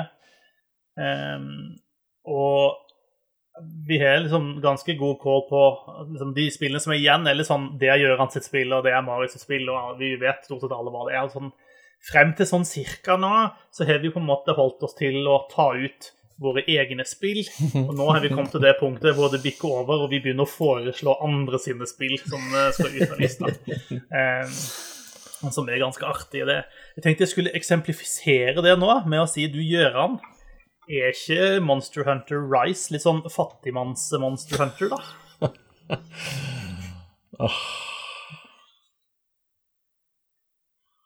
Ja. Eh, det er ikke like bra Jeg, jeg syns ikke det er like gøy som eh, Monster Hunter World var. Eh, jeg vet ikke helt hvorfor, for jeg syns de har gjort veldig mye bra med eh, Jeg syns de har gjort mye bra med våpen og med disse switch-angrepene. Jeg synes det, altså det at de har lagt til typ det derre ride eh, ulvhund-greia som løper oppover til vegger og sånn, det gjør at liksom utforskingen eh, blir lettere og litt bedre, men jeg har ikke spilt på langt nær like mye Monster Hunter Rise som, som World. Eh, jeg, har hatt det, veldig gøy, og det er veldig solid. Det er ikke så mye som er dårlig med det, men det er bare jeg tror, jeg tror egentlig det er så enkelt som at det er på Switchen. Eh, så det kjører litt dårligere, rett og slett. Det ser ikke like bra ut. Så jeg er litt spent, for det kommer en PC-versjon er det i slutten av januar eller noe sånt, tror jeg. Eh, I hvert fall nå, om ikke veldig lenge. Så jeg er litt spent på å se hvordan det blir når man får det opp i 60 FPS og det, det kjører litt bedre. Så tror jeg kanskje det blir en mer fornøyelig opplevelse. Men det er eh, Nei. Jeg, jeg kan være med på at den skal gå ut. Det er et veldig gøy spill. Og det er, noe, det er ikke noe, spesielt gærent med det. Det bare klikka ikke helt med meg, sånn som det forrige. Så det var et, eh, det var et lett førstevalg, eh, Marius. Det var det. Den gikk, den gikk lettere enn eh, en du kanskje var redd for.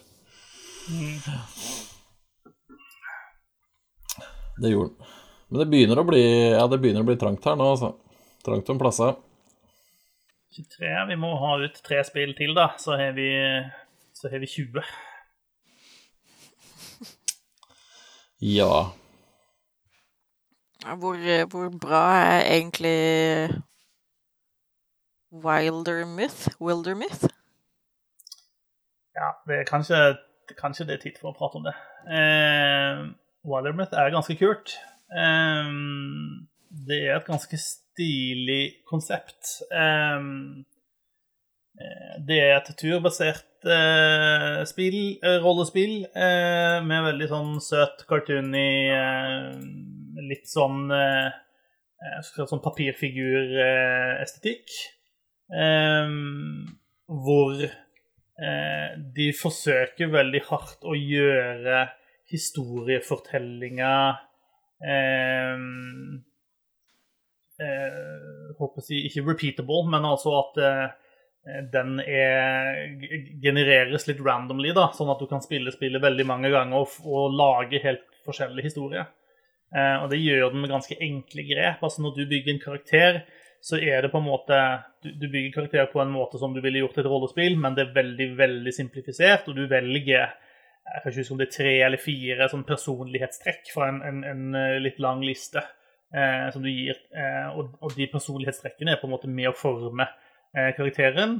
Eh, I tillegg til når du, du kan, når du plukker opp en item, eller når du Eh, går opp i level, da, så får du noen nye ferdigheter, eh, og du vil etter hvert få spesielle quests til den og den karakteren ut ifra hva slags person de er.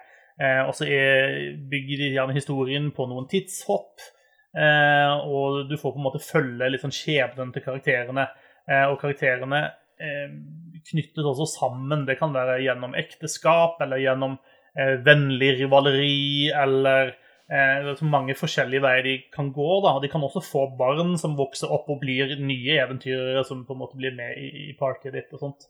Eh, og noen dør jo etter hvert da, fordi de blir gamle og grå eller, eh, eller ikke. Um, og de har på en måte et, et, et, et, et ganske decent sett med litt sånn ferdiglagte eh, main quests, hvis vi skulle kalle det det. Eh, hvor, hvor, alle disse små questene utenom er mer eh, av tilfeldig art.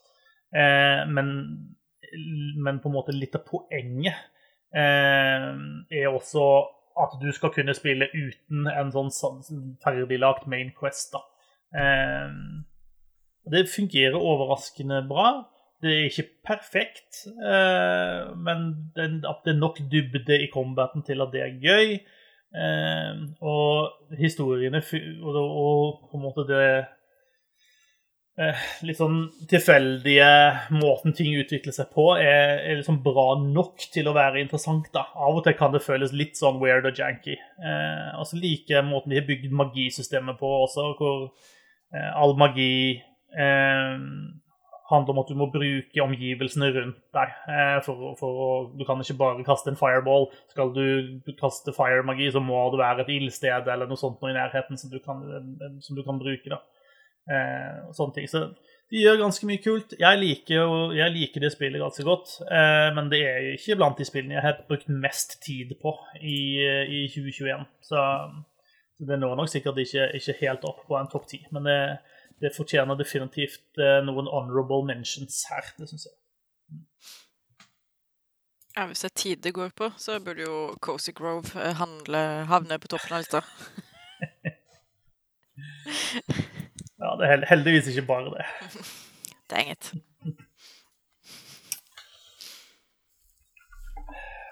Ja Når du, når du snakker om Cozy Grove, er det et av de ti beste spillene i år?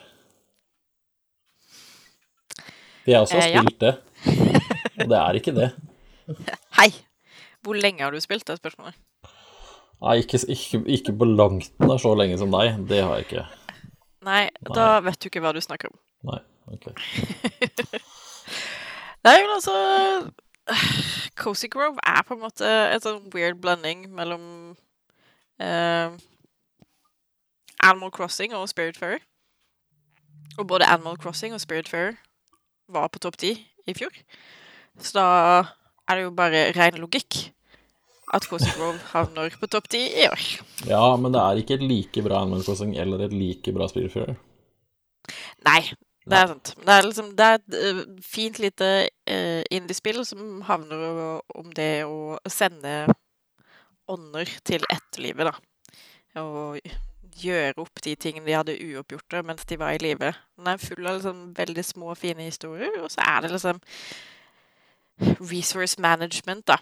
Du må dyrke ting og høste ting og finne ting og tjoe og heie. Og så er det et spill som er bygd opp sånn at du trenger ikke å spille det så lenge. I hvert fall ikke i begynnelsen. De første dagene så holder du om du spiller inn 20 minutter eller noe. Og så utvikler seg da i, da i størrelse og omfang og kompleksitet. Noe jeg syns er veldig kult. Eh, så nå kan jeg fint sitte i liksom to-tre timer av gangen og spille. Kanskje mer. Litt avhengig av hva, hva jeg har på agendaen. Og det spiller jo så også ja, i, på en måte i real time, da, Mm. som er stilig. Og så er det liksom fullt av veldig fine fine karakterer. Disse bjørnene som har bodd og levd og dødd på denne øya. Og hvordan de Forholdene deres imellom, og hvordan de liksom Hvordan de avslutta livet sitt, på en måte. Og den type ting. Jeg syns det er et eh, Jeg syns det er et veldig fint spill. Eh, men nei, det kan jo ikke måle seg mot Animal Crossing, som har på en måte Nintendo i, i ryggen, og er et, trippel A-spill, på en måte. Eh, og Spiritfarer er for så vidt også et indie-spill, men på en litt annen måte. Mm. Eh, så Nei, altså det kommer, noen, det kommer noen leie valg nå. Det, du du Ja. får lov til å si nei enn så lenge. Men ikke så veldig mye lenger, da. Men litt til får du lov til å si nei. Oss se hva annet som er på lista her. Eh, Ja, du skal komme med sånne motforslag, du nå. Det syns jeg er jævlig dårlig gjort. jeg bare prøver å se hva som kan være dårligere. Eh, Jeg ser da- at noen har lagt inn Nier replikant versjon 1, 2, 2, 4, 7, 4, 4, 8, 7, 1, 3, 9 da, på, som en hale nederst her. Er det lov? Og det er vel diskvalifisert. Ja. Hvorfor det? Det er eh, fordi det er remake, er det ikke det? Ja, men det var jo Final Fantasy 7 også, men det var, var jo med i fjor, det. Det er remake på samme måte som det er en remake. Betyr det at vi Ja, det får åpna døra for alle remakes noensinne? Eh, Nei. Jeg føler vi på en måte kan ta den diskusjonen for hvert okay. enkelt spill, altså. Hvis vi, hvis, vi skal, hvis vi kan nominere remake, så nominerer nominere GTA-remaken som kommer til i år. Ja, men det er forskjell på, det er forskjell på Mass Effect, da, som er en, eh, en, en oppgradering Du kan, jo, du kan jo på en måte kalle det en remake òg, men det er ikke en remake på samme måte som eh, Nier eller Final Fantasy er, da, som gjør om, gjør om ganske store deler av spillet. Er det en Wikipedia- remaster eller en remake? Remake. Wikipedia definerer Nier som en remaster. Gjør det det, altså? Fader, altså. Da var argumentet tynt, Ja. mener jeg jo. Ja, nei, jeg er ikke enig, men det er greit. Jeg, står, jeg, står, jeg veit at jeg står veldig aleine på eh, nier bakketoppen.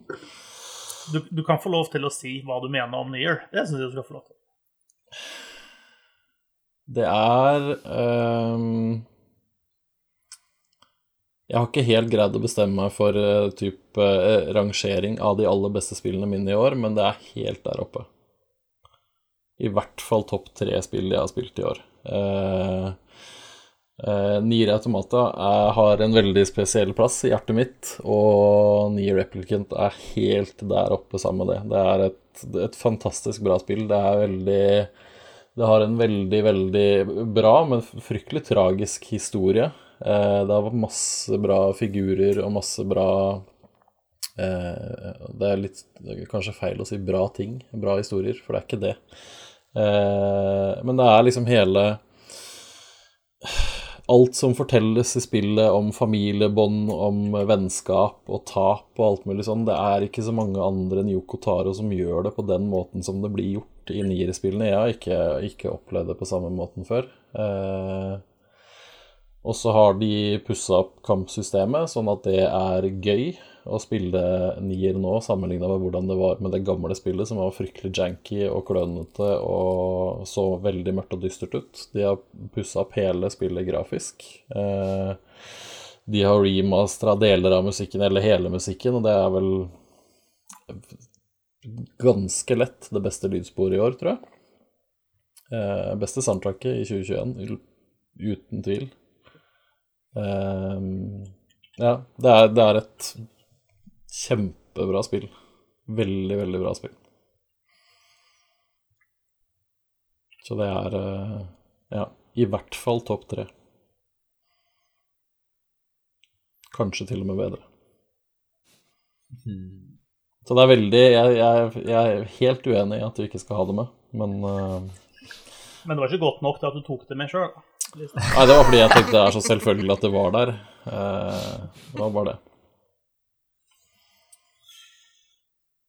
Så jeg vet ikke. Det er vanskelig. Det, jeg, jeg skjønner at det er kinkig å ta med sånne ting, men jeg syns det er ganske lett å si at Mass Effect er ikke et spill vi skal ta med i år.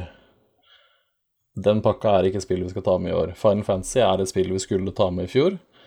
Eh, jeg syns Nier definitivt er et spill vi skal ha med i år, fordi det er såpass, såpass store endringer og såpass store forbedringer. Ja. Kingdom of Amalur kom vel også i fjor. Det er heller ikke en remake vi skal ha med, eller en remaster, fordi det er bare en remaster sånn.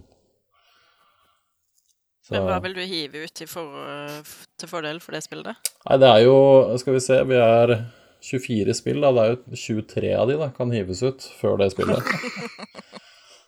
Men, men eh, Susanne, eh, Necromunda Hired Gun Ja. eh, jeg, jeg, jeg, eh, Bare som en sånn lite hjelp av og til når det er noe jeg aldri har spilt før, så går jeg på metakritikk og så sier jeg sånn Er dette et spill folk liker? Eh, det er ikke et spill folk liker.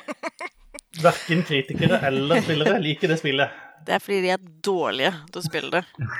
Eh, jeg personlig har det kjempegøy med det, med det spillet. Jeg spilte det rett før vi starta sendinga. Jeg tenkte jeg bare skulle ta et lite oppdrag. Eh, quick 20 minute adventure in and out. Eh, sånn endte det ikke. Jeg satt i en time og holdt på med en bosskamp. Eh, så er, jeg syns det er kjempegøy. Og det er, vel, det, er, det er liksom Doom Light, på en måte. Bare du har en hund i tillegg. Eh, men jeg kan også se hvorfor folk ikke liker det, I guess. Fordi de er noen små eh, bitches som ikke vet hvordan de skal spille et spill. Eh, og ikke setter pris på eh, kunst, rett og slett.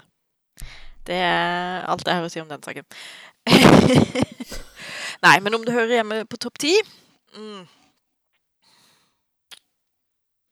Jeg vet ikke. Er det forskjell på gøy spill og bra spill? Ja, Ja. Ja. Det er det. Det er det samme som det er forskjell på eh, gøy filmer og bra filmer, på en måte. ja. Vi skal ikke bare ha med bra spill på lista, for så vidt. Gøy er også en uh, Det er en fordel mål. hvis de er gøy og bra. Det er mange av de spillene som er på lista nå, som er gøy og bra, faktisk. Ja. Ja. Ja, Det er Game of the Year, det er ikke Gøy of the Year.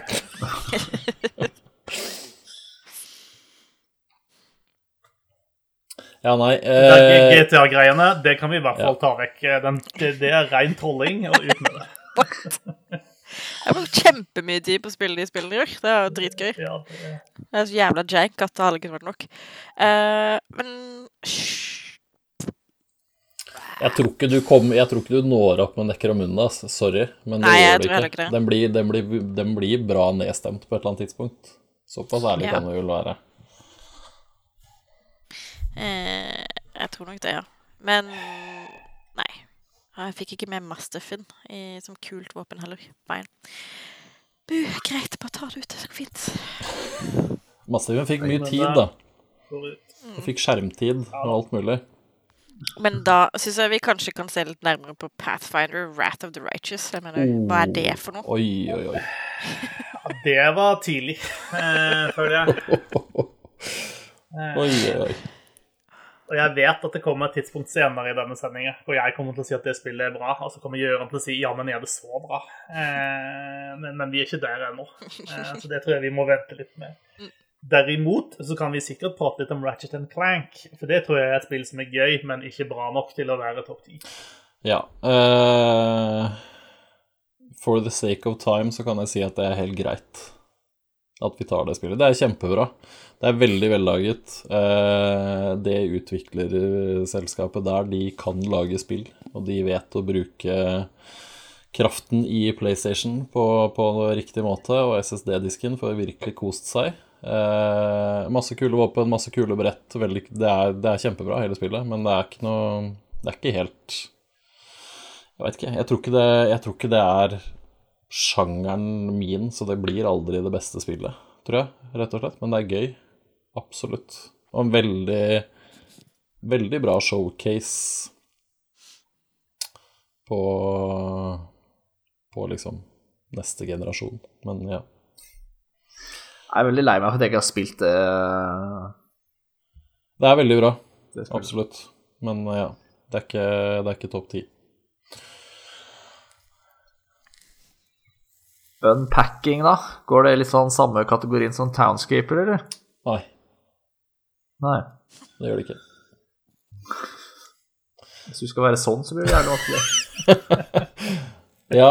Eh, Unpacking var et spill som Det var vel kanskje det spillet som overraska meg mest i år, tror jeg. Eh, og så har jeg drøyd det veldig lenge med å spille det. Jeg har ikke spilt før nå siste uka, tror jeg. Eh, så det er kanskje litt juks. Men det er jo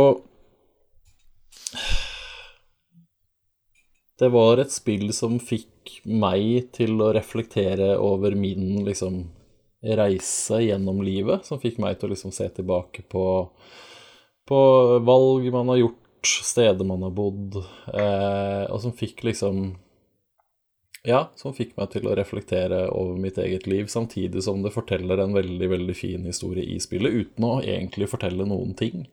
Det forteller jo bare en historie gjennom gjenstanden du pakker ut, og hvor du pakker de ut hen. Eh, altså, du begynner jo da på Det sa jeg jo eh, på forrige også. Eh, begynner på barnerommet med noen eh, leker og litt sånn, og så kommer du videre til universitetet, og så får du den første jobben din, og så får du liksom Du blir jo kjent med denne personen fordi den begynner liksom med noen tegneblyanter og et viskelær, og så som tiden går, så får du liksom et mer sånn avansert tegne, altså sånn tegnebrett til en PC. Så du skjønner liksom retningen de tar i livet, og så kommer det altså spesielt en sekvens da der eh, eh, hun dama har møtt en eller annen fyr eller et eller annet, og skal flytte inn, og så er det det er, en, det er en litt sånn vond prosess fordi det er, ikke, det er liksom ikke plass til tingene hennes i denne leiligheten, og de passer ikke overens med stilen til den personen, så du føler liksom ikke at det Du føler deg veldig lite velkommen i det hjemmet, og det er en veldig rar følelse å få når du egentlig bare sitter og trykker på en eske, og så flytter du en gjenstand. Det er det eneste du gjør i spillet. Og så får jeg en sånn ubehagelig følelse at det her går ikke bra, liksom. Dette er feil valg som denne personen tar. Og så har det ikke blitt sagt et ord. Det har ikke blitt skrevet Det er, det er ikke noe historie. Men allikevel så greier det, det, det spillet greier å fortelle den historien gjennom bare disse gjenstandene. Eh, så nei, eh, unpacking kan vi ikke ta bort på lista. Det er eh, et, av de, et av de mer minneverdige spillene jeg har spilt i år, faktisk. Og det er Det gjør så veldig mye med så lite. Eh, så det er, det er utrolig imponerende, faktisk. Det ser veldig, veldig enkelt ut når du liksom ser skjermbilder og du hører konseptet, men det ligger så mange lag i det spillet der at det er eh, Ja. Ja, da er det mer til det spillet enn jeg eh, trodde før du begynte denne eh, ranten, hvis man kan kalle det det. Ja. Det er det. Eh, ja, veldig, veldig overraskende at det, at det kom og liksom rørte meg på den måten det gjorde, faktisk. Mm. Mm. Jeg, er ikke, jeg er ikke klar for den, altså. Resident Evil Village. Er det så bra? Hvorfor tar vi bare mine spill nå? Har dere, liksom, har dere en sånn egen chat på baksida her, hvor dere liksom Ja. De Du andre har er jo den vel, eneste som driver og legger til nye spill etter hvert, da, så jeg mener de andre har jo velvillig eh, kryssa det ene og det andre. ja, det har jeg jo. Et par ganger i hvert fall. Nei, men det var, det var egentlig et seriøst spørsmål. eh, Fordi jeg har egentlig inntrykk av at Resident Evil Village ikke, er så fryktelig bra, nemlig. Eh, Ja. Men hvis du mener det motsatte, så må du jo gjerne hevde det. Nei, vet du hva, jeg er, jeg er enig. Det er et bra spill. Det er et bra Resident Evil-spill. Jeg syns, eh, kanskje det forrige spillet var bedre. Ehm, eller kanskje det var litt mer annerledes. Jeg syns det er rart at Resident Evil har Jeg, jeg syns det er rart at det har fått så mye nominasjoner og sånne ting i, på så mange forskjellige steder som det har, da, for jeg syns ikke det er så bra. Det er bra, det er solid, det er vellaget, men ja det er, ikke, det er ikke så mye mer, da. Det er ikke så minneverdig at det liksom er en av de fem beste spillene i år, eller en av de ti beste spillene i år heller. Så jeg syns det var litt deilig at den sto såpass lenge, for da kan jeg si at jeg tok ut et spill nå. Så får dere andre gjøre det samme. Wow. Da tar, tar, jeg ut, tar jeg ut Sable. For det var ditt- det var ditt valg. Jepp.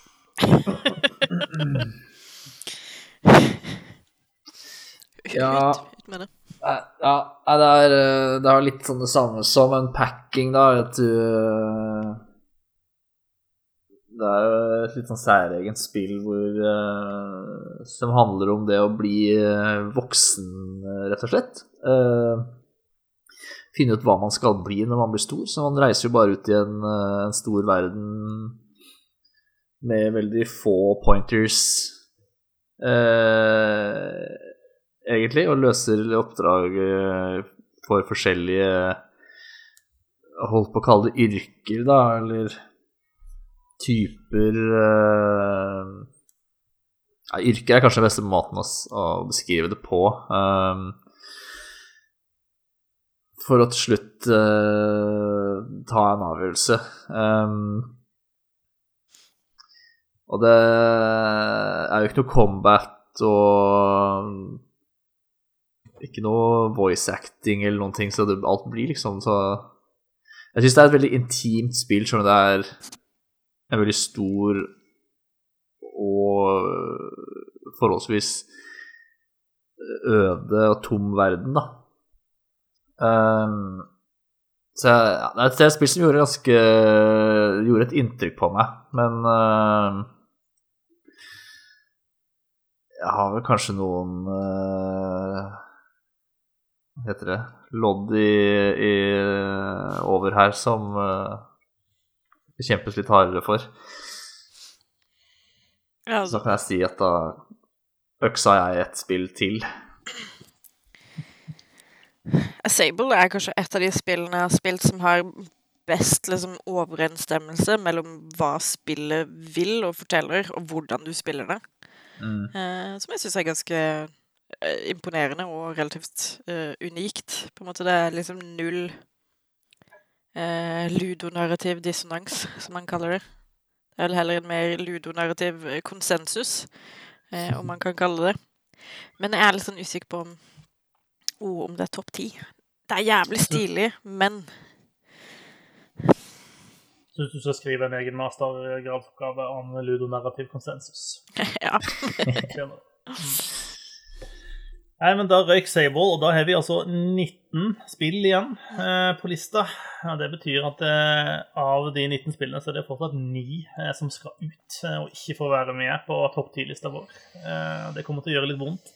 Eh, jeg skal lese gjennom hvilke spill som står igjen på lista, før vi går videre med, med Hage Saksa. Um, Hitman 3, It, It Takes Two, Returnal, Psychonauts 2, Life is Strange True Colors, Lost in Random, Deathloop, Kena Bridge of Spirits, Inscription, Guardians of the Galaxy, Forza Horizon 5, Halo Infinite, Pathfinder Wrath of the Righteous, Valheim, Cozy Grove, The Artful Escape, Unpacking, Loop Hero og Nier Replicant.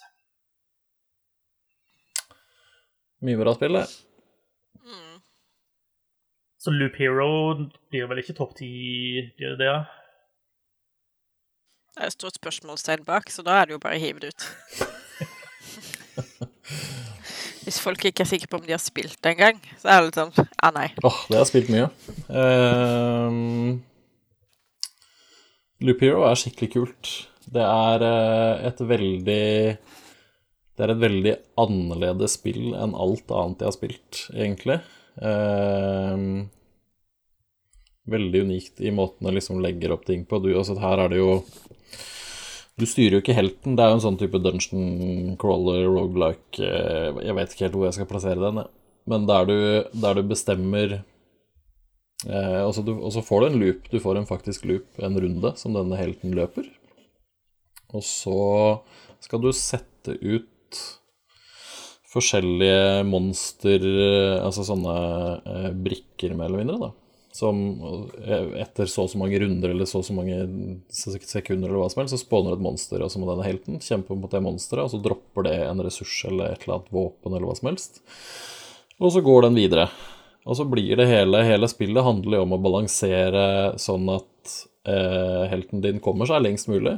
Eh, og Men samtidig får oppgradert nok, for når du har gått så og så mange runder, et visst antall runder, så kommer bossen. Hvis du møter bossen og er på en måte uforberedt, så har du ikke sjans. Så du må jo på en måte hele tiden balansere Balansere denne utfordringen. Og så når du da Eh, hvis du tar denne bossen, så kommer du tilbake til en sånn type hub. Der skal du bygge ut masse forskjellige hus og hytter og alt mulig sånn, som gjør at du oppgraderer og får nye kort, eller du får nye ressurser, og du får masse sånn. Det er veldig eh, tilsynelatende enkelt spill som bygger veldig fint på, sånn at det blir mer og mer komplisert. Og det er ganske mye ganske mye forskjellige mekanikker å utforske, og ikke alt som er liksom veldig given med en gang, men som du allikevel spillet er ganske flink til å lære deg hva som uh, funker, da.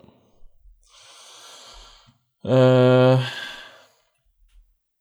så ja, jeg syns det, jeg det, er jeg det er veldig kult, det er veldig unikt og det er veldig vellagd, men uh, ja, jeg er vel såpass rutinert at jeg skjønner at det kommer ikke med på topp ti-lista vår.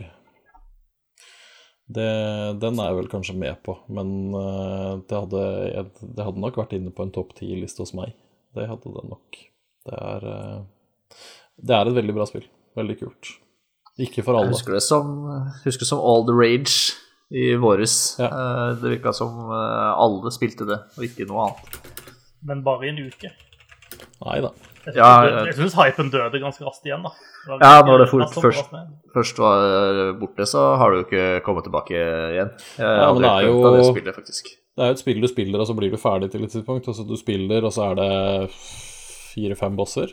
Eh, og så har du i utgangspunktet egentlig Altså, du har runda det spillet.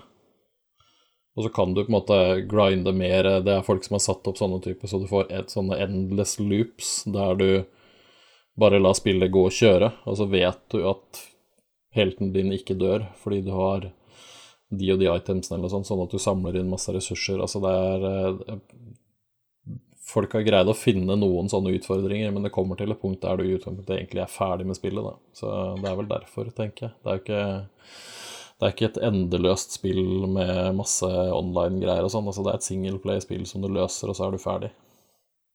Jeg tror det er grunnen til at folk slutta å spille det, rett og slett. Eh, det er vel planlagt en del C, tror jeg. Mener å huske det.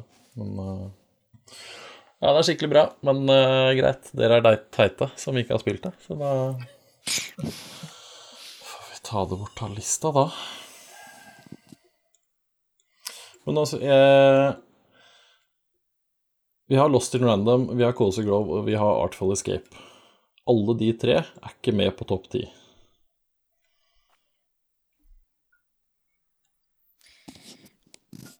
Jeg, jeg tima det til du drakk. Jeg så du drakk, så da forta jeg meg.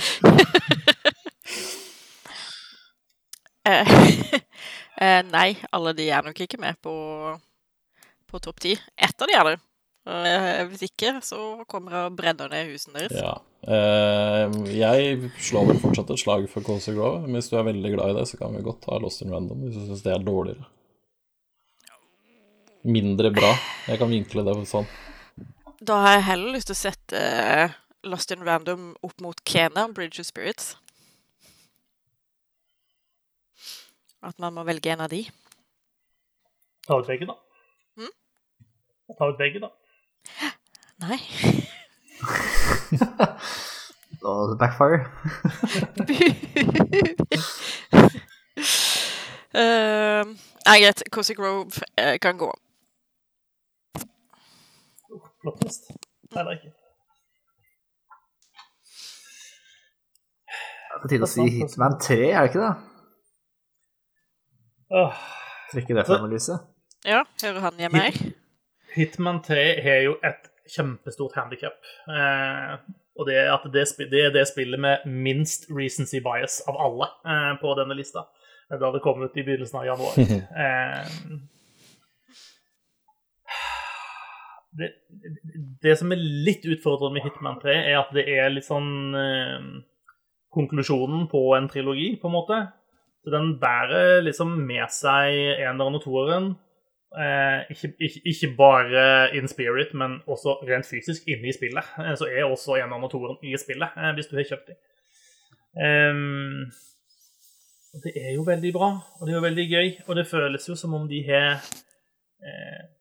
progressed. Altså måten de lager levels på, har jo blitt bedre og bedre hele veien. Eh, og er det et spill som i hvert fall er gøy å spille, så er det jo Hitman 3. Det er dritartig. Eh, og det er, så, det er så deilig at det spillet tar seg så lite høytidelig. Eh, og hvis ikke, så kunne du begynne å tenke at eh, hm, er det egentlig riktig å gå rundt og myrde alle disse menneskene, eh, strippe av de klærne og stable de i en lik pile inne på badet?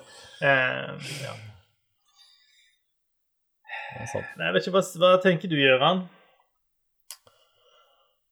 Jeg syns Hitman 3 har eh, to av de aller beste nivåene i hele trilogien. Egentlig. Det er den mansionet i Storbritannia og den eh, undergrunnsklubben i Tyskland. Jeg syns de to nivåene de er helt, helt der oppe med de aller beste eh, av alle, alle brettene. Og det sier litt, for det er mye, det er mye bra brett i løpet av de tre spillene. Eh, jeg syns, og, og spesielt det menneskene. jeg syns det de gjør der med hele den der mordmysteriet og sånn, og hvor, hvor mye du kan velge å liksom dykke inn i det, syns jeg er en kul sånn Nesten litt sånn sidegreie til hele Hitman-spillet. Eh, men det er Det er litt vanskelig, da, for det er Hitman, ikke sant. Det er ikke noe nytt der. Det er ikke noe nytt sånn. Altså, det er et nytt Hitman-spill. Det spilles helt likt som de foregående Hitman-spillene. Men eh, jeg, jeg syns definitivt det er et av de bedre spillene som har kommet i år. Jeg, jeg har glemt det litt, jeg også, rett og slett fordi det er såpass lenge siden. Eh, jeg har ikke spilt Jeg vet ikke hvorfor, men jeg har ikke spilt like mange sånne elusive targets og sånn nå som det jeg gjorde med det forrige. De har jeg aldri likt. De blir bare sinte. Ja. Så jeg har liksom ikke Jeg har ikke, jeg har ikke vært så veldig mye på det, men jeg Nei, det er, det er skikkelig bra, altså. Jeg syns Hitman 3 er bra. Historien er jo ikke Den er ikke verdt en skit, egentlig. Den er jo ikke bra. Nei, og jeg synes, jeg synes kanskje det siste brettet Det syns jeg faller litt flott. Ja, absolutt. Der går du eh, egentlig mer eller mindre bort fra hele, hele greia til Hitman, og så blir det en sånn eh, Nesten sånn rails-shooter på et tidspunkt der. Ja, Jeg skjønner ikke helt om det er den Golden Eye-omasj, liksom, eller hva, hva er egentlig greia. Jeg, jeg skjønte det ikke. Men det, det siste levelet, det, det klarte i hvert fall ikke helt å leve opp til eh, Altså, hva er det? Er det Blood Money, som har en sånn der episk avslutning, hvor eh, Agent 47 sånn mer eller mindre står opp fra de døde og bare plaffer ned folk i begravelsen sin, liksom. Uh, og det, det er en litt sånn følelse av at de prøver på en måte å gjenskape litt noe sånn i, i, i den samme kategorien som det, men, men det, det får de altså ikke helt til. Men det betyr liksom ikke så mye, fordi at alt det andre er så jævlig gøy. Eh, og Du kan bruke så mange timer på brettene bare på å utforske alle mulighetene som ligger der. da. Mm. Um, så jeg ja, altså, Det er definitivt mange spill her jeg ville prøvd meg ut før Hitman. Eh, det er det. Ja, nevner et, da. Eh, ja, hvor skal vi begynne? Som ikke er Eh, mitt. Som ikke er mitt spill. Ta et av dine egne. Ja, jeg har jo nesten ingen igjen. Eh, Synd det. Å spille flere bedre spill. Ja. ja eller Jeg kan bare spille, jeg spiller bare gode spill. Eh, Det er det som er problemet. Eh, Nei Altså, hvis vi skal prate om Hitman 3, så syns jeg også vi kan prate om Halo Infinite. Ja, det må du gjerne gjøre. Jeg har, eh, har spart det, jeg, fordi jeg vil spille det co-op. Ja, jeg har ikke så samme mye å her. bidra med. Nei, vi melder oss ut. Jeg var ikke, jeg, jeg, jeg, nei, jeg var ikke klar for den samtalen ennå, ass. Jeg var ikke det. Nei? Uh, Kan vi ikke ta det med i neste års kåring, når de har fått med K-opp? Det kan godt hende vi bare skal late som det ikke kom i år, og så gjøre det. Det hadde vært lettere. For jeg det jeg Vi gjorde det med, vi gjorde det med Cyberpunk. Gjorde du det? Nei, det var vel det vi ikke Nei. vi tok Vi med. tok med det i fjor, vi. Ja. Ja, det kom i fjor, det. Hvis ikke hadde det vært med her. Hvis vi hadde gjort det du, det du foreslår at vi gjorde. Ja. Jeg bare tulla. Bare tulla. Eh, det er det beste skytespillet jeg har spilt i år. Halo. Men du har ikke spilt Necromunda. Nei, men det trenger jeg heller ikke å gjøre for å si at Halo Infinite er et bedre skytespill. Det er jeg ganske sikker på. Wow. Bare vent til du spiller det sjøl. Ehm, nei, jeg syns, jeg syns de gjør veldig mye kult da med Halo. Jeg syns de greier å Endelig så syns jeg de har greid å modernisere skyting og tempo i Halo, men samtidig få det til å føles som Halo, ikke COD eller eh, noe annet. Um, jeg syns den åpen verden-strukturen de har gått for, og størrelsen på det, syns jeg funker bra. Overraskende bra, faktisk, til, eh, til å være et Halo-spill. Eh, jeg liker liksom måten du, du jobber deg framover på. Nå har ikke jeg spilt det ferdig, så jeg skal ikke si liksom at historien er dritbra. Det vet jeg ikke helt ennå. Eh, Det er Halo, Ja. så er den sikkert ikke. Nei, altså jeg har ikke, jeg har ikke skyhøye forventninger til den. Men jeg syns det, det føles veldig bra å spille det. Jeg syns det ser eh, Det ser veldig pent ut, og det gjør akkurat det det skal gjøre. De har liksom modernisert Halo-formelen på en kjempebra måte. Og så syns jeg multiplayeren er Den er så gøy som det var å spille gammel Halo multiplayer i gamle dager. Eh, Og det er det lenge siden det har vært. Det er lenge siden jeg syns det var gøy å spille multiplayer, men det syns jeg faktisk det er til tider i, i internett. Så um, Jeg veit ikke. Det er 17 spill igjen, og det begynner å bli 17 bra spill. Jeg syns Halo rangerer over en del av de. Eh, men Ja. Jeg vet ikke. Jeg er ikke, jeg er ikke Spørs om det når opp her, men uh, Jeg vet ikke hva du syns, jeg, Marius. Altså, av spill jeg sjøl har spilt her, da, um, så, så syns jeg jo Halo Infinite er et bedre spill enn It Takes Two.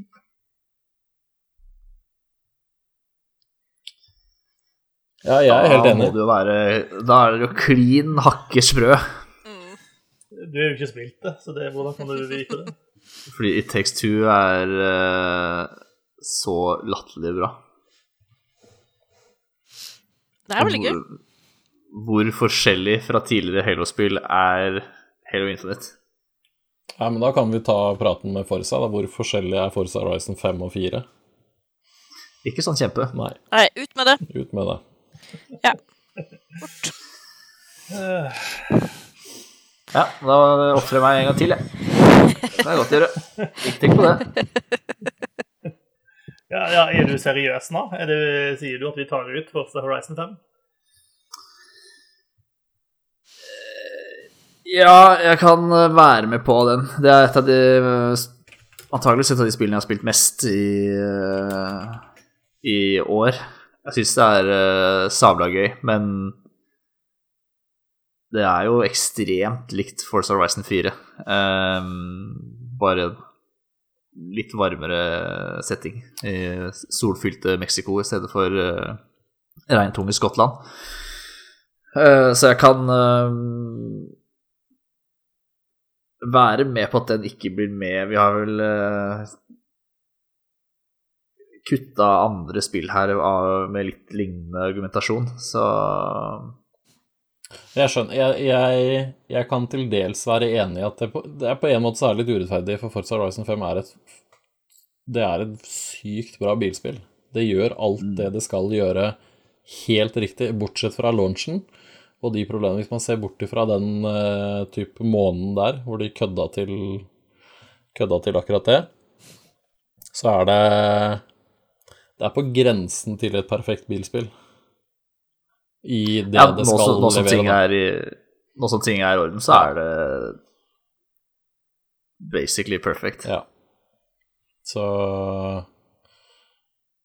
Men Så det er kontroversielt å kutte det, men uh, jeg kan gå med på det. For det som er ironisk her, er at uh, Forsa ble jo årets spill hos Spillbart. mm. Så der er folk med, med klasse og Ja, kjenner av kultur. Jeg prøvde jo å argumentere det inn igjen, for jeg syns det, er- det er mange spill på lista der som ikke, som ikke burde være over Forsa, syns jeg, da. Nei, Jeg, jeg putter det gladelig inn igjen. Er det såpass mye bedre enn fireren at det fortjener en plass, på en måte? Ja, jeg syns det. Jeg syns øh, øh, Jeg syns kartet og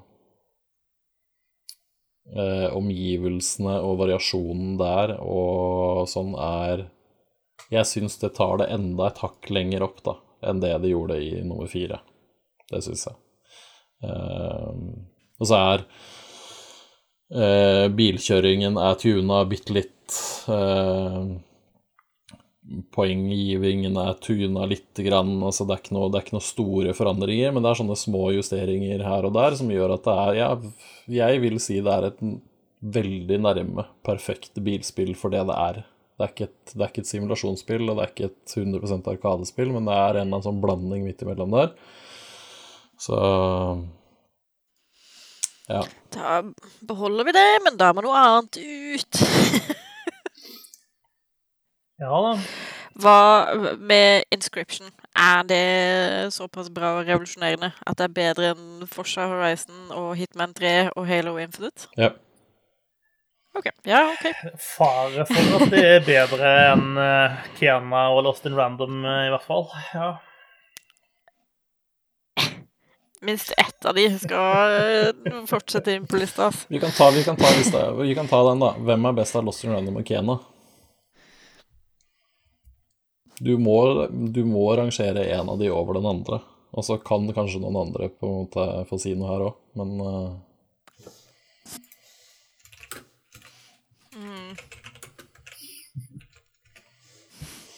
Det er jævlig vanskelig. Jeg har spilt et par timer med Kena. Jeg kan godt forstå at det skal være med på en topp ti-liste. Jeg har ikke spilt det ferdig, men jeg har spilt såpass lenge at jeg kan på en måte se kvaliteten i det og skjønne hvorfor det får så mye skryt som det gjør. Og at det kanskje, kanskje hører hjemme litt høyere på lista. Jeg skal ikke si topp ti, men høyere på lista enn det det er på en måte nå, da. Ja, altså det er jo et veldig pent spill eh, med liksom fine omgivelser og bra musikk og liksom en for så vidt interessant historie, men det er også litt repetitivt. Og kampene er jo frustrerende som faen til tider. Mens Lost in Random er også et veldig stilig spill. Eh, med eh, søte companions, eh, kule karakterer. Eh, kanskje en hovedkarakter med hakket mer personlighet enn det Kena har, fordi skal vi være helt ærlige, så har ikke Kena noe særlig personlighet overhodet, på en måte. Hun, hun, er bare Hun er der bare. Eh, og så er Omgivelsene i Lost in Random er mye mer varierte enn det de er i Kenya. Og kampene er gøyere. Og The Big Bad er mye heitere. Eh, så Det er et veldig vanskelig valg. Eh, men jeg tror kanskje Hot Baddie var ikke nok til å redde Resident Evil Village på denne lista. Nei. Eh, så da går vi kanskje for Kena. Kena ut. Kena og de små Nei, Kena får bli. eh, Lost in Random må ut. Det kan hende det kan hende Kena ryker før topp ti, bare sånn at du er, du er innforstått med det. Vi lover ikke noe her, altså. Det blir synd.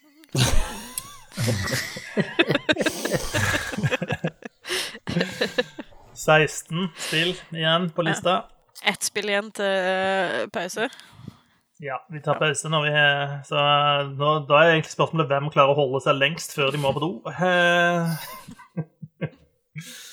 Oh, det tror jeg kanskje blir meg. Så holder lengst. Ja. Jeg er vant til å jobbe mye aleine i butikk uten mulighet til å gå på do, så Ah. Men det er sikkert ikke sunt. Eh, så Jeg har lett tilgang på bleie. Eh, Det er en fordel. Eh, De ble nå kanskje ment for ganske mye mindre mengder urin enn det du har tenkt å dumpe i dem. Ja, altså, kanskje hvis du har flere på rad. Bare Små barn vil overraske deg. Det er alt jeg sier. Når all maten de får i seg, er flytende, så ja. Nei. ja. Eh, Hva er det siste som skal ut før pausen, da? Psychonauts 2. Nei, Skal jeg ta, ta en for laget, og så kan jeg si at uh, jeg, jeg, tror, jeg, tror ikke, jeg tror ikke Halo Infinite når opp her, dessverre. Rett og slett. Er virkelig liksom Ja. Inscription og Pathfinder Wrath of the Righteous bedre enn Halo Infinite? Ja, lett.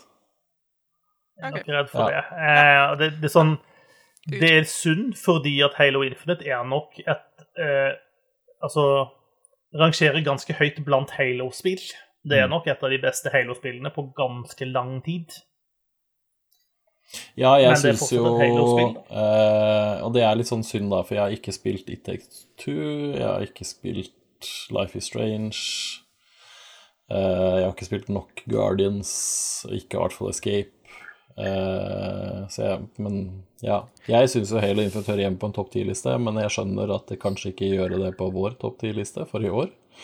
Så kan vi heller snakke om det til neste år, når flere har spilt det. For det er et sabla bra Halo-spill. Ja.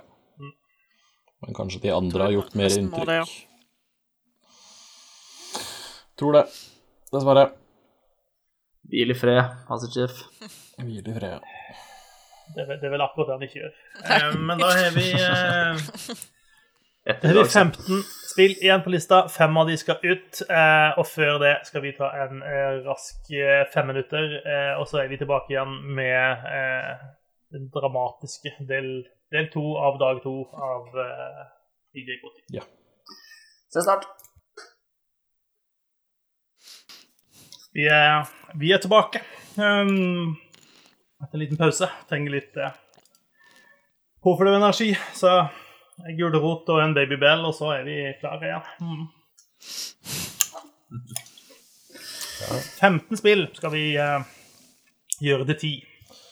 Altså, nå, er, nå har noen funnet frem popkorn her, faktisk. Da. Oi, oi. Rutinert. Uh, mm sp- Spillene som er igjen på lista Det er ikke kjemperutinert å spise gulrot mens man skal prate podkast.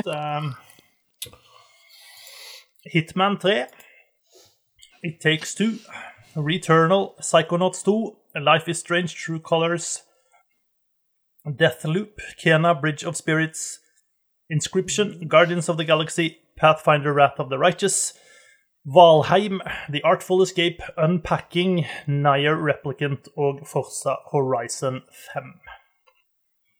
Fem skal ut. Og når de fem er ute, så skal vi rangere de ti som er igjen. Dette blir en lang kveld, folkens. Uff. Hvor bra er Guardians of the Galaxy?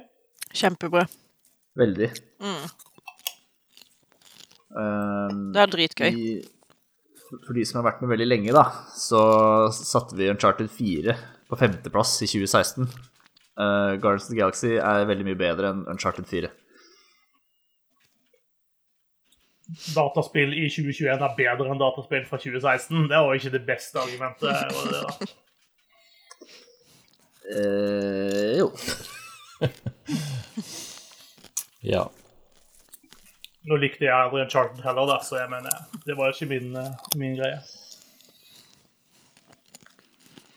Samme år kom Hitman på fjerde, for øvrig. ja. Høres riktig ut, da. Ja, Guardians er kjempegøy. Eh, det er dritgøy å spille det. Eh, historien så langt er kul. Lady Hellbender. Shit, fuck! She's thick! Eh, um, liksom Samtalene mellom de forskjellige karakterene er superinteressante å høre på. Uh, de, er- de reagerer på ting du gjør i spillet. Uh, kampene er satan så kaotiske, men kjempegøy. Eh, og så er jo soundtracket er jo nydelig. Så det fortjener 100% en plass på Guardians of the Galaxy-lista, holdt jeg på å si. Topp ti-lista. Årets beste Guardians of the Galaxy-spill. Ja. Lett. Ja, det, det, det manuset i det spillet og framføringa av det manuset er eh, altså noe av det morsomste jeg eh, har opplevd på, på lenge. Eh, Men er uh, For jeg har spilt det noen timer nå. Eh, og jeg er enig i veldig mye av det, men jeg syns ikke kampsystemet er så gøy. Jeg syns det er litt Det er litt sånn eh, Og nå kommer jeg til et sted hvor jeg skal kjempe en kamp til, og så vil jeg egentlig bare gjøre det fortest mulig ferdig, sånn at jeg får oppleve mer av historien, for det er det som driver meg videre. Jeg syns ikke kampene er gøy i det hele tatt, sammenligna med resten av spillet det funker. Det, det, er ikke, det, er ikke, det er ikke dårlig dårlig, men alle de andre delene av det spillet er veldig mye bedre enn kampsystemet, som blir veldig mye same old same hele veien, syns jeg, da. Det er bare fordi du spiller feil. Ja, nei, jeg er litt enig i det, faktisk. Uh, Selv om kampene er eh, dynamiske i at du blander inn uh, resten av The Guardians, da. Uh, Gamora, Drax, Rocket og Groot. Med, som alle har hver sine evner, så blir jo kampene dynamiske men likevel så blir de ganske like. Uh, man finner jo seg en kombo med, med abilities som man bruker igjen og igjen. Ja, for det er sånn type Eh, Jeg husker ikke om det var R2 eller L2, ja, men det er sånn type R2 firkant, firkant, R2 trekant, trekant, skyt, skyt, skyt, og så R2 sirkel, sirkel. Altså, du, du Jeg veit ikke. Altså, jeg syns jo på mange måter så spiller man jo egentlig den kjedeligste av de. Vi, vi styrer jo den som er kjedeligst i kamp. Eh, og det syns jeg er litt kjedelig, da. Altså, jeg, jeg syns spillet er kjempegøy, og jeg, jeg tror jeg tror i hvert fall det fortjener en topp ti-plass. Jeg skal være med på den, at vi ikke skal kutte det helt enda. Men jeg syns, eh, jeg syns de kunne gjort mer ut av kampsystemet, da. Jeg brukte ikke abilitiesene til uh, Starlord så mye, nei. Nei. Det glemte jeg litt av. Ja.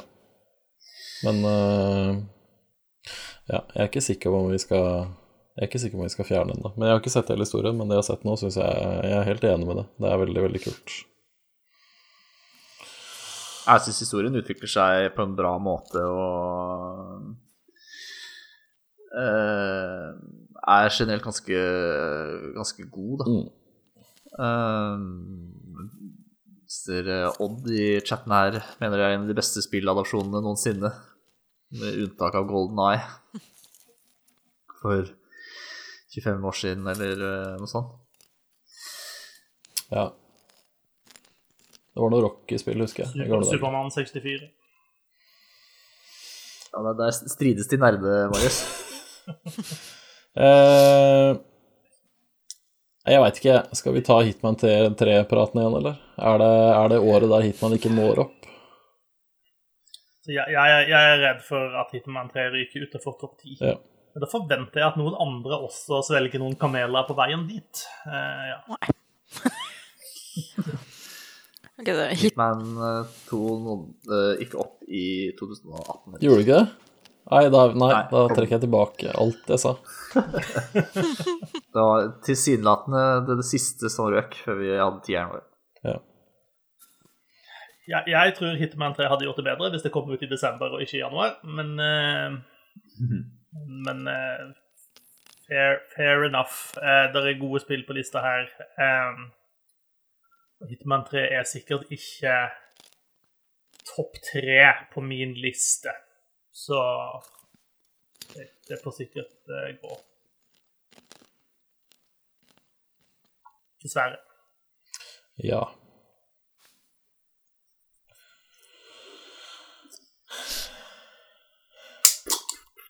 Trøster meg med litt energidrikk. Databrus. Databrus. Valheim, da. Det er jo ganske kjedelig, egentlig. Å, wow. Ohoi, ohoi, ohoi. Hoi, hoi, hoi, hoi.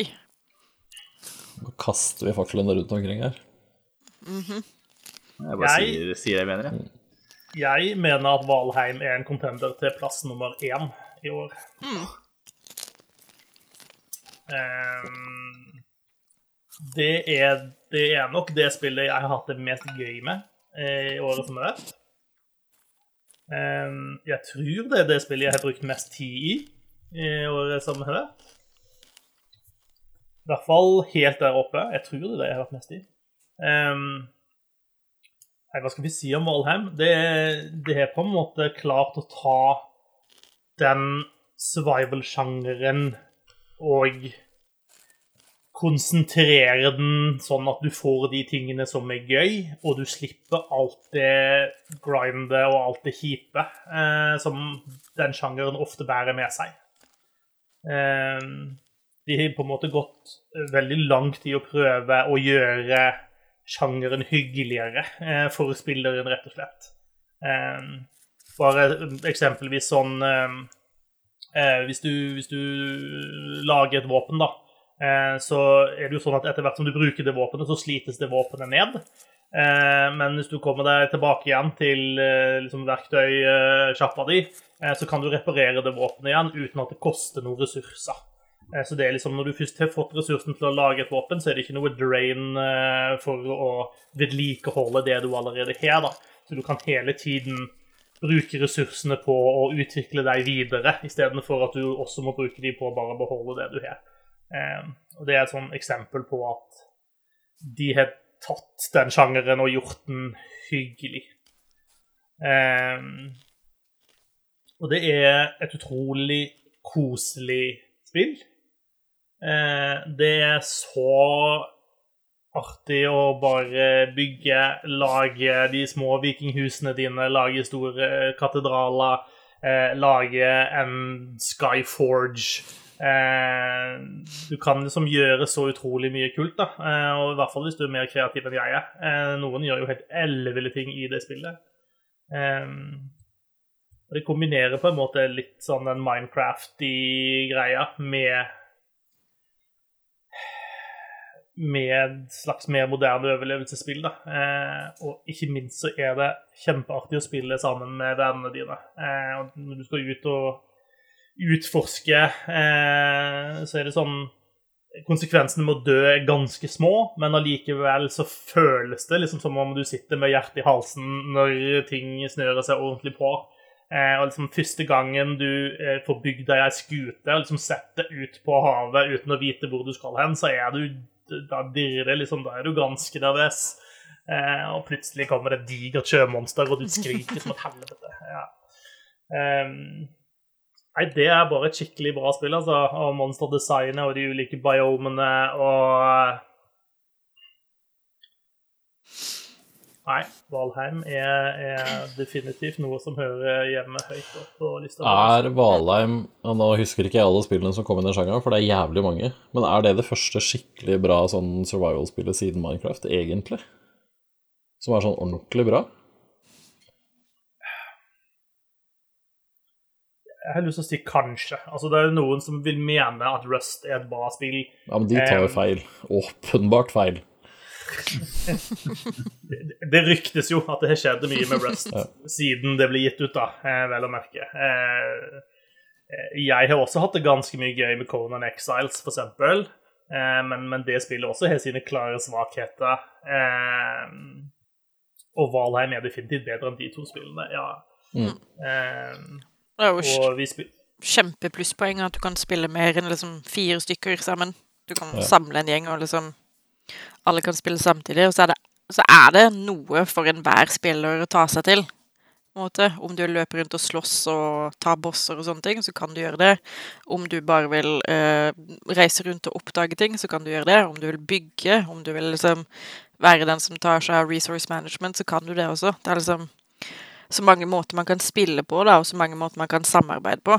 Uh, og, ja, og progressen er liksom ikke bundet opp i at det, hver enkelt person må ut og samle XP i, i det hele tatt. Mm. Um, så hvis det er noen som syns det er dritgøy å gå opp i fjellet og lete etter ressursene opp i fjellet og bringe de med ned til en felles base, eh, så, så fikk det helt fint. Da kan den personen mekke den, den beste rustningen til deg, og så har du den. Eh, og med en gang du på en måte får hver gang du får en ny ting inn i ditt inventory, så låser du på en måte opp den delen av for å si, Tech 3 da, eh, som gjør at du også kan lage de tingene som den er knyttet til. og sånt. Så det, det, er et veldig vennlig spill i den sjangeren. Mm. Det mm. Altså, vi har hatt det kjempegøy med det. Og det, er liksom, mm. det har vært en sånn litt rar måte å, å skape minner på, da oppe i, pandemien. Man reiser litt rundt sammen i den verden og gjør ting sammen. Eh, sånn som meg og Karsten og min lillebror og en kompis til som var så jævla lei av å bli drept av masse ulver oppå et fjell. Eh, så vi bygde like godt bare en tunnel gjennom fjellet og brukte jeg vet ikke hvor mange timer vi brukte på å hogge oss gjennom det faenskapet der, men det var, det var et par dager med med bare hogging og fjernestein, og vi hadde det dritgøy. Mm. Eh, så det sier jo litt om liksom, kvaliteten på spillet, da. Syns jeg. Vi, vi, hadde også litt tilsvarende når vi først satte i gang. Eh, og Så begynte vi å bygge oss en base, og så fant vi etter hvert ut at det var ganske teit at vi har en base som ikke lå ved sjøen, eh, for det kan bli ganske essensielt etter hvert. Eh, så igjen, vi kan da ruske opp basen og flytte den til sjøen, eller vi kan få sjøen til å komme til oss. Eh, så da var det kanalbygging for alle penger. Og det tok så lang tid, eh, men det funka på et vis likevel, likevel, det var veldig gøy, da. Så der er definitivt mange kule muligheter inni det. Mm. Gøy. Ja Det er ikke så mange, mange å ta her, egentlig, nå. Nei, jeg kan Jeg kan hive ut Life is Strange, True Colors. Yes. Det, det gjør litt vondt å gjøre det, fordi jeg liker Life is Strange-serien kjempegodt. Og jeg liker Alex, som er hovedkarakteren i dette spillet, kjempegodt. Hun er en skikkelig kul karakter. Og det er liksom Det er et Life is Strange-spill, til tross for at det er Deck Nine som har overtatt fra Don't Nod. Og de var vel de samme som lagde Before the Storm. Eh, men det er et mye mindre spill i liksom omfang. Eh, omgivelsene er mindre, historien er mye kortere og liksom mer Den er tightere, da, så du har ikke så mange sånn tangenter du kan fyke ut på. Og det virker Du får ikke følelsen av at de valgene, handlingsvalgene du tar, og dialogvalgene du tar, har like mye å si for hva som skjer videre i historien, som det har i, i de andre spillene, da.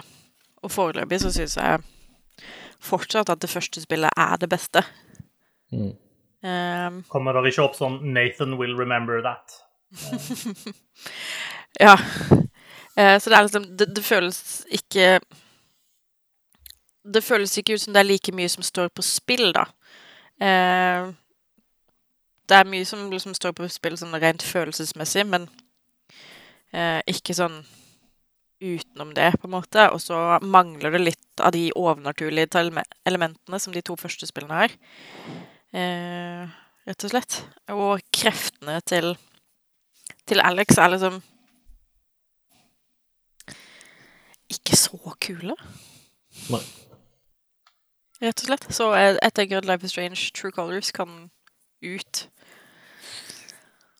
fra å ikke havne i topp ti. Men nesten. Mm, nesten. Nå har vi kommet til det punktet der eh, Vi er jo langt forbi der hvor nå er alle spillene bra spill. Det er om å gjøre å bare snakke mest mulig drit om alle andres nå.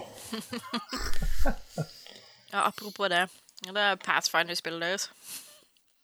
Hva Du skal drive og pisse på det hele tida. Og det er ingen som har sagt et ord om Returnal inni her ennå. Eller Artful Returnal Escape. ser faktisk litt eh, kult ut.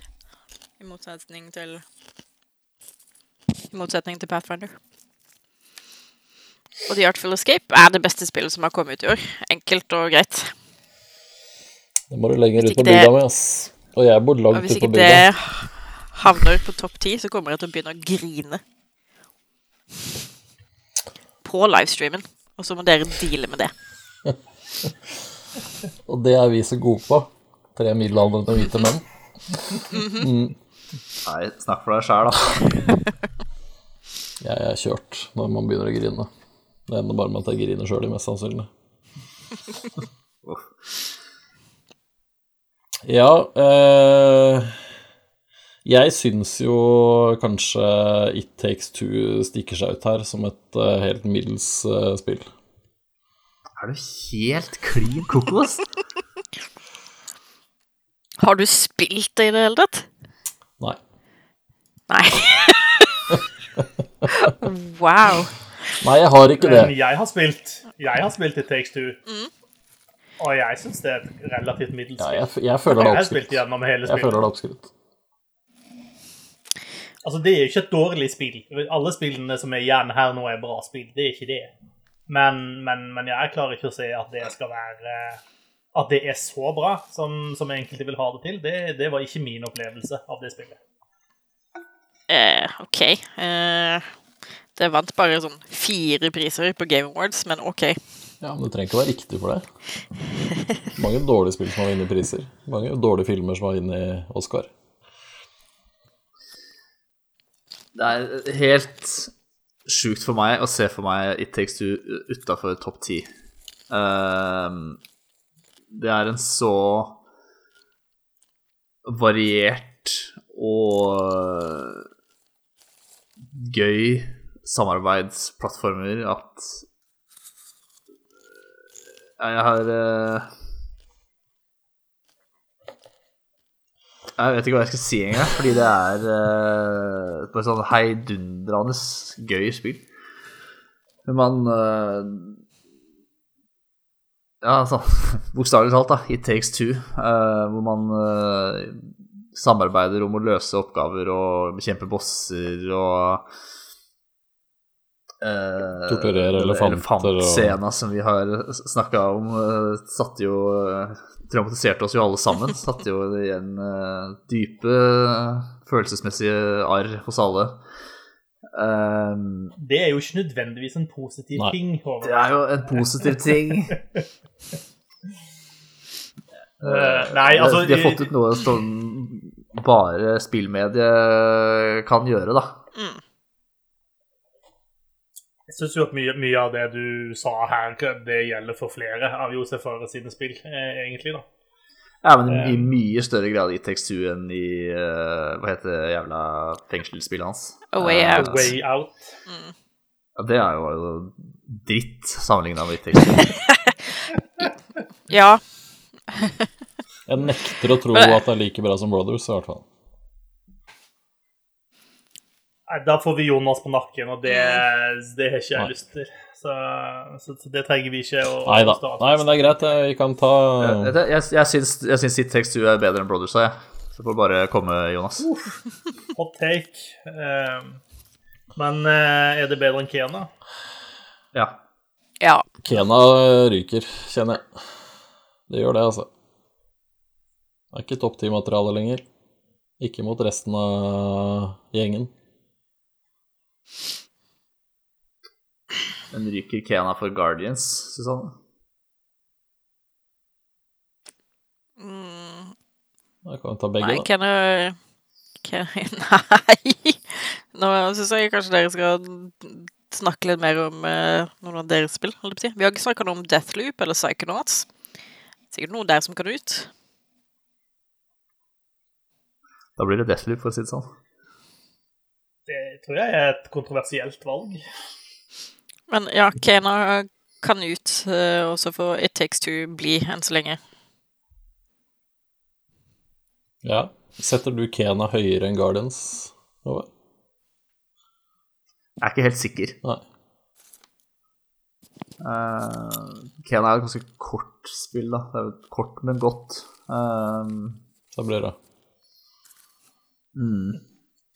Ja, det er den tida på deg nå, holdt jeg på å si. Det er den tida i sendinga. Det begynner noe sånt. Men jeg må jo begynne å spørre meg. Setter jeg Kena og Guardians over Forsa, for eksempel? Ja.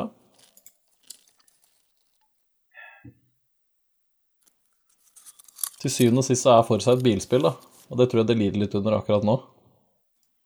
Ja. Spor sportsspill generelt eh, Altså Det nærmeste eh, vi har hatt et sportsspill som har kommet høyt opp, er vel det der teite bilfotballspillet. Eh, Rocket League. League. ja. Og det var fordi eh, Jens Erik, som ikke liker sport i det hele tatt, prata det så voldsomt opp. Ja, det kom på femteplass i 2015, ser jeg i arkivet her. Ja. Ja, jeg har jo så lagt inn mer enn 60 timer da, i Forza Horizon, og det kom i november. Så det er sånn 30 timer i måneden. Så det er jo føler er litt. Med alle andre ting man skal spille, og jeg har en jobb jeg skal gjøre mange timer i døgnet. Eh, sove må jeg gjøre litt. Um, men eh, både Kena og Guardians har vært noen sånn andre opplevelser, da. Vi skal sammenligne med Forsa, som jo er mye av den samme opplevelsen som jeg hadde i Forsa 4. Og du mener Psychonauts 2 er, er bedre enn alle de?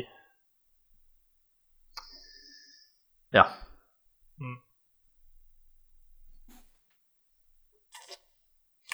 Ja. Jeg kanskje skal økse Forsa, da? Virker som det kanskje blir det. Altså. litt, si litt, altså. Men uh, Ja. jeg har hatt jævlig mye moro med Forsa, og det skal jeg, eh, skal jeg fortsatt ha. Begynner en helt ny series nå i denne uka. Eh, som er fire uker med masse nye utfordringer og masse nytt innhold og Eller nye biler, da, å låse opp. Eh, Ja, nei, Forza Horizon var uh, serien som liksom åpna øynene mine for bilspill, um, som ikke er Mario Kart. Og det skal de ha mye ære for. Mye er gjort riktig um, og bra i uh, I hvert fall de to siste spilla. Um, Tre siste. Men uh, Ja, det kan godt hende. Jeg har bare spilt de to siste. Um, men jeg ser det mange på, som mener at treeren er liksom det beste av de, de som har kommet. Um, men ja, jeg tror kanskje Forsa lider litt av det at det er et bilspill, rett og slett, sånn som ble nevnt mm. tidligere. Så da ryker Forsa? Hvis ikke det er uh, noen som vil uh, Nekte. Jeg snakka det inn i stad. Jeg tror ikke jeg gjør det ennå. da er det tolv spill igjen. Det betyr at det er to til som må utfalle utafor uh, topp ti.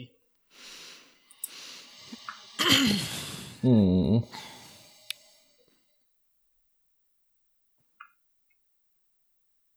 Ja Hvem skal man velge da? Nier, da? Nei. Ja. Pathfinder, da? Jeg, jeg ga opp uh, Agent 47 uh, for å holde Pathfinder inne, så den, uh, den, står en stund til. Ok, Men da må Inscription ut. Altså, Vi kan godt prate litt om Inscription. Jeg, jeg, er veldig redd for at hvis vi tar ut Inscription, så liksom mister vi all vår cred på, og peiling på spill hvis vi ikke er den med på topp ti. Um, hva skal man si om Hva, hva er inscription? Ja, hva skal man si? Hvordan vil du beskrive det? Eh, oh. Inscription begynner som et ganske standard eh, rogelike sånn deckbuilder, kortspill. Vi begynner der. Eh, og så er det en veldig kul, litt sånn guffen atmosfære der. Eh, og veldig fort så begynner et av kortene å prate til deg. Eh, og så baller det på en måte bare på seg der. Du Plutselig så finner du ut at du kan gå fra dette spillbordet og begynne å utforske en hytte som du er inne i. Det er en eller annen sånn mystisk skapning som du spiller mot, eh, som du bare ser egentlig øyer og litt sånn ut omrissa ansikt. Eh, eh, men du kan gå rundt i dette huset, og der er det en klokke som du kan stille på tre forskjellige visere på. Det er noen spillfigurer, det er en sånn type safe som du kan gjøre noe sånn eh, litt sånn enkel kodelås på, så får du noen nye kort derfra. Men hoveddelen av spillet i starten er at du skal gjøre dette kortspillet.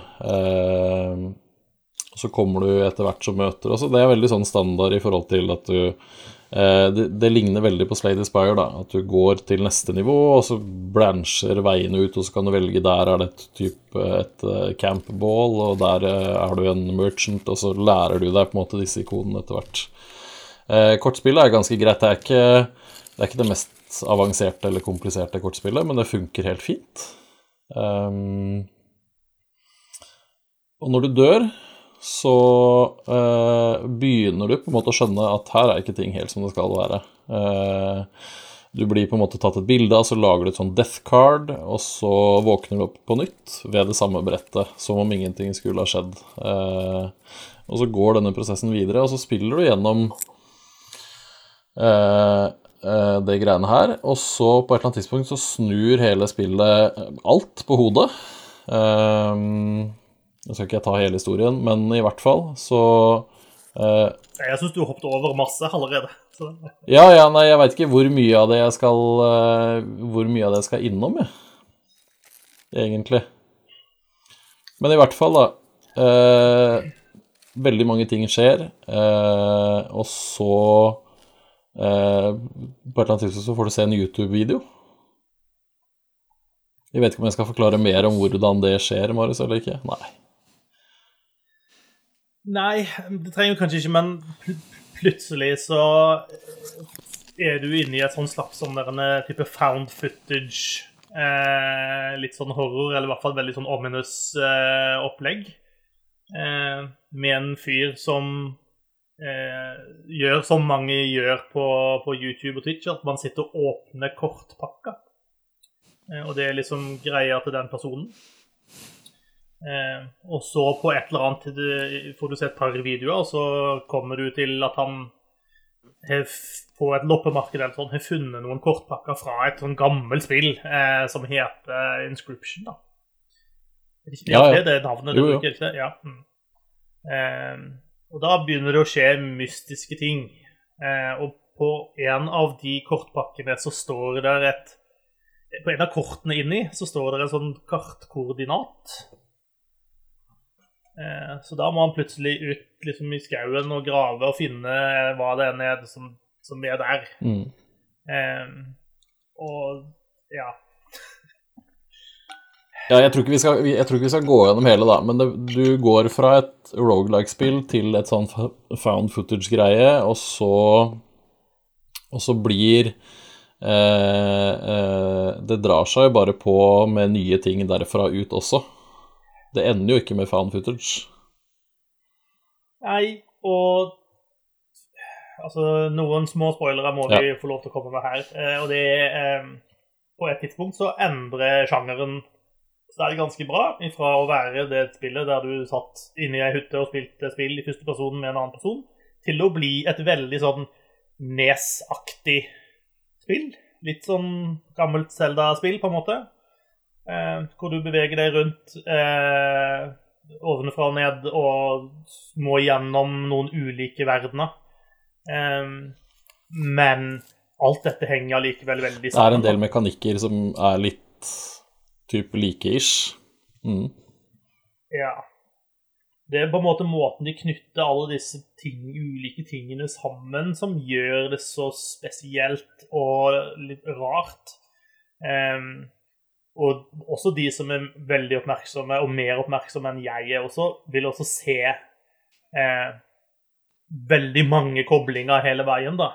Eh, og som Gøran nevnte på et tidspunkt, så hver gang du dør, så lager du et sånt death card eh, som, som, du gir et navn. da, du, altså Du gir ditt navn, og så tar han et bilde som liksom blir bilde av deg, og så kan du gjøre noen sånne ting. Og de kortene dukker jo opp igjen i spillet, men det dukker også opp andre death cards som du ikke har lagt, men som noen andre har lagt. Og disse på en måte er også med å fortelle en historie eh, som du kommer borti etter hvert. Eh, og så utvikler dette seg videre, og kanskje det mest spesielle er jo at når du er ferdig med den nesaktige biten, så hopper du inn i på en måte en tilsvarende del som spillet starta som, men samtidig en helt annen versjon i hvert fall hvis du velger det som jeg og Gøran valgte, da. Ja, jeg har eh, Akkurat den der har jeg sjekka, da. Det valget du gjør på typ slutten av act, eh, altså act 2, kan man kalle det det. Eh, så tar den Den tar over allikevel, uavhengig av hva du velger. Ja. ja ok, så du kommer til ja. den delen. Ja. Med noen små variasjoner helt på slutten, men du får det samme i, i den siste delen uansett. Mm. Mm. Da får du en helt eh, Du spiller liksom I alle disse delene så spiller du kort, dette kortspillet på et vis. Eh, men de vrir så om på innpakningen rundt. Eh, og de har disse horrorelementene hele veien. Disse Hva faen er det som skjer? Found footage-greiene gående.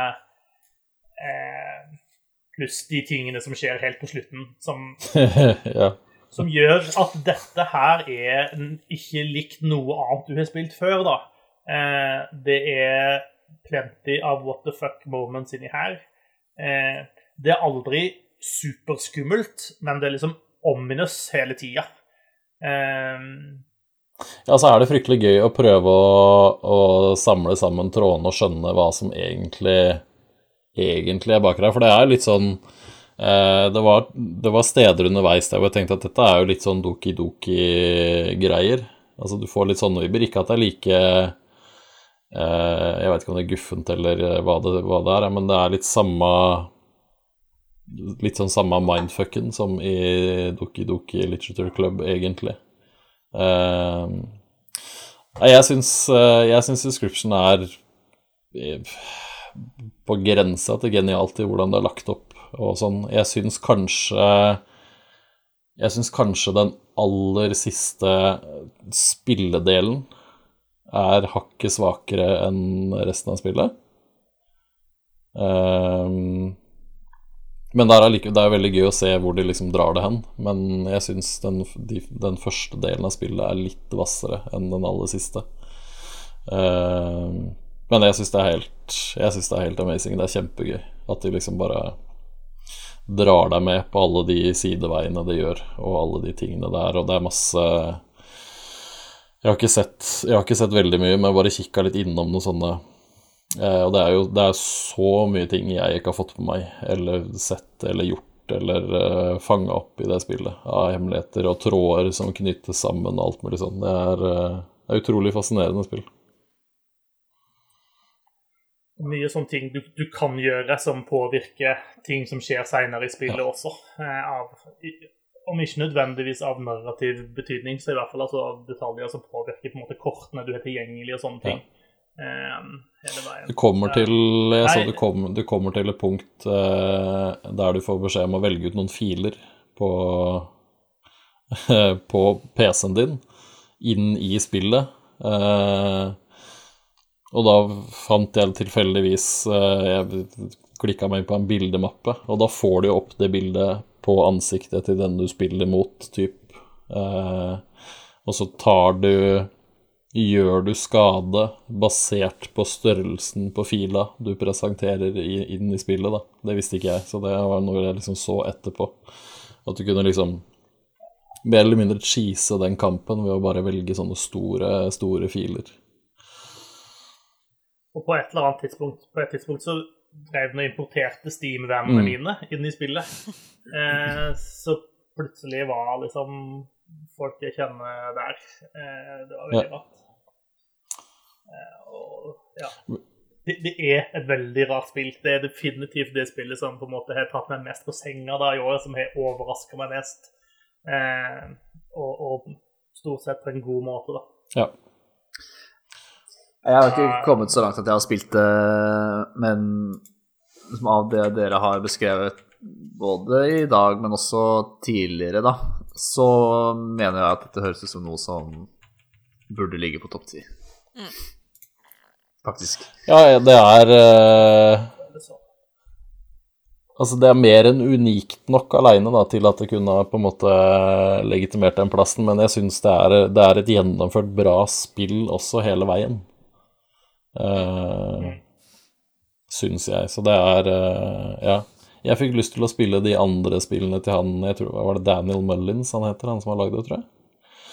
Han har vel to andre spill også som jeg aldri har spilt før. Men uh, ja. Det, her er, det er plenty weird. Det er veldig synd at dere ikke har spilt det og har hørt at vi har prata om det, for det er, det er, en skikkelig mindfuck når det kommer, alle disse tingene.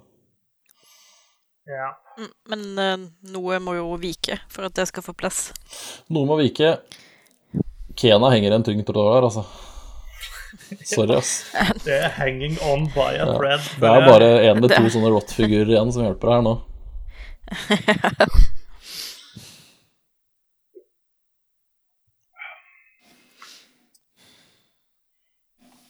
Men hvor stor forskjell er det på Nier og Nier Replicant? Mm. Det gamle og det nye? Mm. Jeg har ikke spilt det. Du har ikke spilt det gamle? Jeg har ikke spilt, Jo, jeg har spilt en time av det gamle, og så orka jeg ikke mer. Det var for, for mange år siden så kjøpte jeg det eh, 360 Det er et dårlig tegn, da. Ja, nei, det var fordi det var eh, Da var det gammelt. Eh, sånn kamp, eh, kampmessig. Eh, de har Altså, hele kampsystemet er bygd opp på nytt. Kampsystemet er nytt, liksom, sånn som det, altså mer eller mindre sånn som det var i Automata. Eh, alt av grafikk er oppgradert og oppjustert eller gjort på nytt. Musikken er spilt inn på nytt. Eh, jeg vet ikke hvordan det er med stemmeskuespillet, men det er i hvert fall veldig bra, så jeg vet ikke om det er liksom gjort noe med eller ikke. Og så har de lagt til eh, lagt til nye altså sekvenser eller områder i spillet, og de har også justert på å fjerne andre ting. Eh, men jeg, jeg kan ikke si Jeg kan ikke si om det liksom er bare bra endringer eller ikke, for jeg har ikke spilt gjennom det første spillet. Eh, men det er Ja, jeg sa jo det i stad. Det er eh, det er, det er et vilt bra spill, liksom. Er, jeg, jeg, jeg kan ikke tenke på Jeg kan ikke komme på noen andre som forteller historie og Ja, tragiske ting.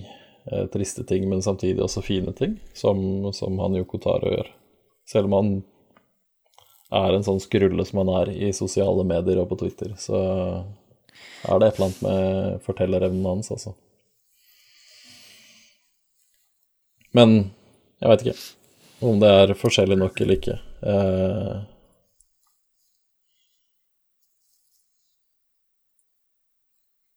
det vet jeg ikke. Nei. Det er eh, Ja, jeg har spilt Valheim, jeg har spilt Pathfinder, jeg har spilt Guardians, Inscription, Kena, Deathloop, Returnal. Eh, jeg setter det i, i hvert fall over seks av de spillene.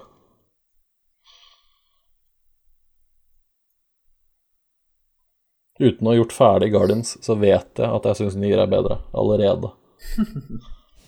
Uten å ha spilt ferdig Kena, så vet jeg at Nier er milevis bedre enn Kena. Ja, jeg ser jo Av de spillene som jeg har spilt, da, så vil jeg rangere Kena nederst. Altså, da teller jeg ikke Valheim, men det virker rimelig uaktuelt at den skal være utafor. Um, så da tror jeg kanskje jeg legger mitt lodd på Kena for det neste spillet som må ut. Ja.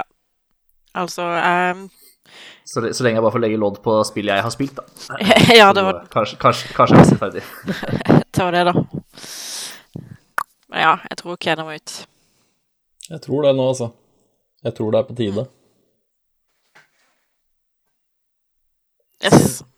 Det er bra spill. Det er jo en kjempe, kjempedebut av de som eh, har laget det, som jeg ikke husker hva heter i farta. Eh, det er jo første spillet de har lagd, og de har skapt en verden full av uh, skjønn grafikk og helt magisk musikk. Og mm, eh, ja, det eneste jeg har å ta det på, er uh, combaten er uh, helt psycho utilgivelig, og det er litt grann kort. Ja. Men det er kjempebra. Det er veldig, veldig, veldig, veldig bra. Skal unpacking være på topp ti, Jørgen? Er det så bra?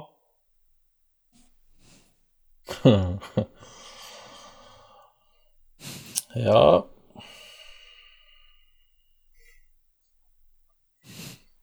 Det er vanskelig å si. Jeg skjønner jo at jeg ikke kommer noen vei med It Takes Two enda. Det syns jeg er synd. Skjønner at det ikke kommer noen vei med Psychonauts 2, men det kan jeg på en måte kan jeg, jeg kan skjønne kvaliteten der, da. Uh, Min del skal man I Artful Escape får du jo deng. Ja, det tør jeg, jeg tør ikke å si noe om det engang. Den, den lar jeg bare være akkurat nå. Uh, Altså, jeg rangerer The Artful Escape over alle spillene på denne lista som jeg har spilt i år. Så jeg kan godt stemme ut både Guardians og, um, og It Takes Two, hvis jeg får lov til å beholde The Artful Escape. Vi kommer til å miste all kred som uh, spillmedium hvis vi ikke har med det på lista. Det er helt greit for meg. Det kan få lov til å være i topp ti. Altså. Jeg har ikke lyst til å se Susanne grine i, i dag. It's not pretty.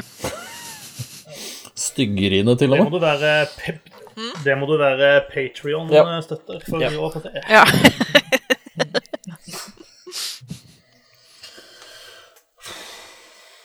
Nei, jeg veit ikke. Eh, unpacking Returnal. Jeg føler kanskje at jeg må ta et valg der på et eller annet tidspunkt. Kan ikke bare gjøre det nå, da? Det er fader enda ett som må ut, da, hvis du velger mellom de Ja, det er jo ikke X2. Det er jo Det er bare, nei, det er, det elleve spill på lista nå, så det er bare ett til som er ut før de har tid. Ja. Skal, Return, Bare jeg som ikke kan telle. skal Returnal altså være det siste spillet som ryker her? Da? her? Du har ikke sagt noen ting om Returnal så langt i sendinga, da? Nei, det har jeg ikke. Uh... Returnal Jeg hadde bare lagt det spillet i Gjøran-spillmappa og egentlig bare valgt å ignorere det. stort sett. Ja, men jeg synes, altså jeg kunne ha tatt det jeg, jeg hadde vært klar til å snakke om det før, jeg. Eh, men jeg syns det fortjener å komme høyt opp på en liste, i hvert fall. Fordi eh, House Marquis gjør så veldig, veldig, veldig mye bra i det spillet. Eh, Monsterdesignet er bra. Eh, det har noen av de kuleste bossene i hele år. Eh, kampsystemet er bra, det funker veldig bra. Skytingen er eh, superdigg eh, med alle de, alle de forskjellige våpnene. Selv om noen våpen er bedre enn andre, så syns jeg de har fått til det veldig bra. Utforskingen er eh, også morsom fordi når du på en måte får en ny loop, så er det god nok variasjon til at du ikke kjenner det, men samtidig så er det visse rom som er litt like. Sånn at du får en type Altså, du kan bli litt bedre kjent, da, eller vite litt hva du kommer til, eh, selv om det ikke er eh, Selv om det er liksom nytt hver gang allikevel.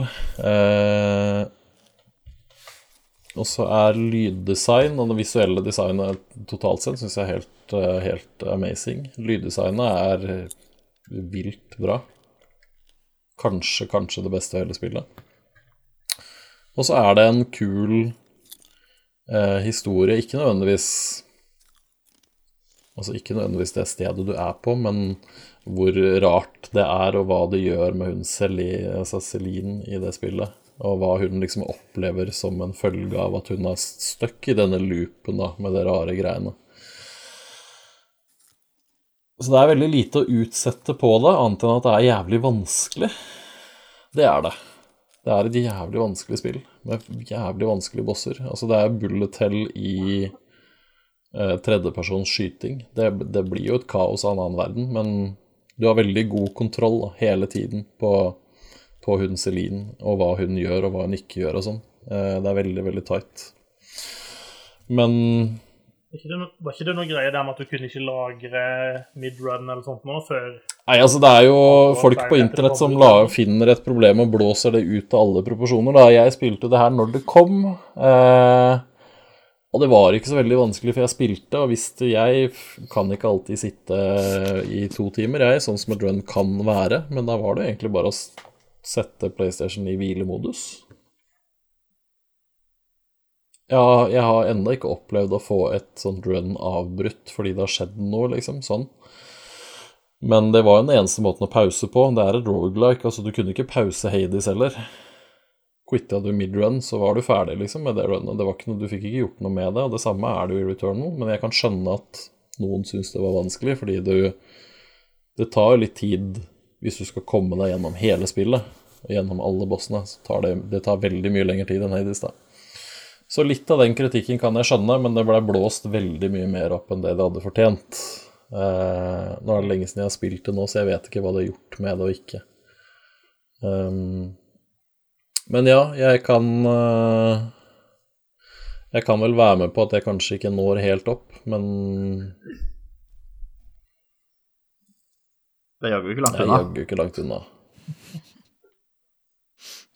Hvis Når jeg liksom Når jeg skal vise fram hvor kul PlayStation 5 er sammenlignet med PlayStation 4, så er dette en av de spillene jeg starter først.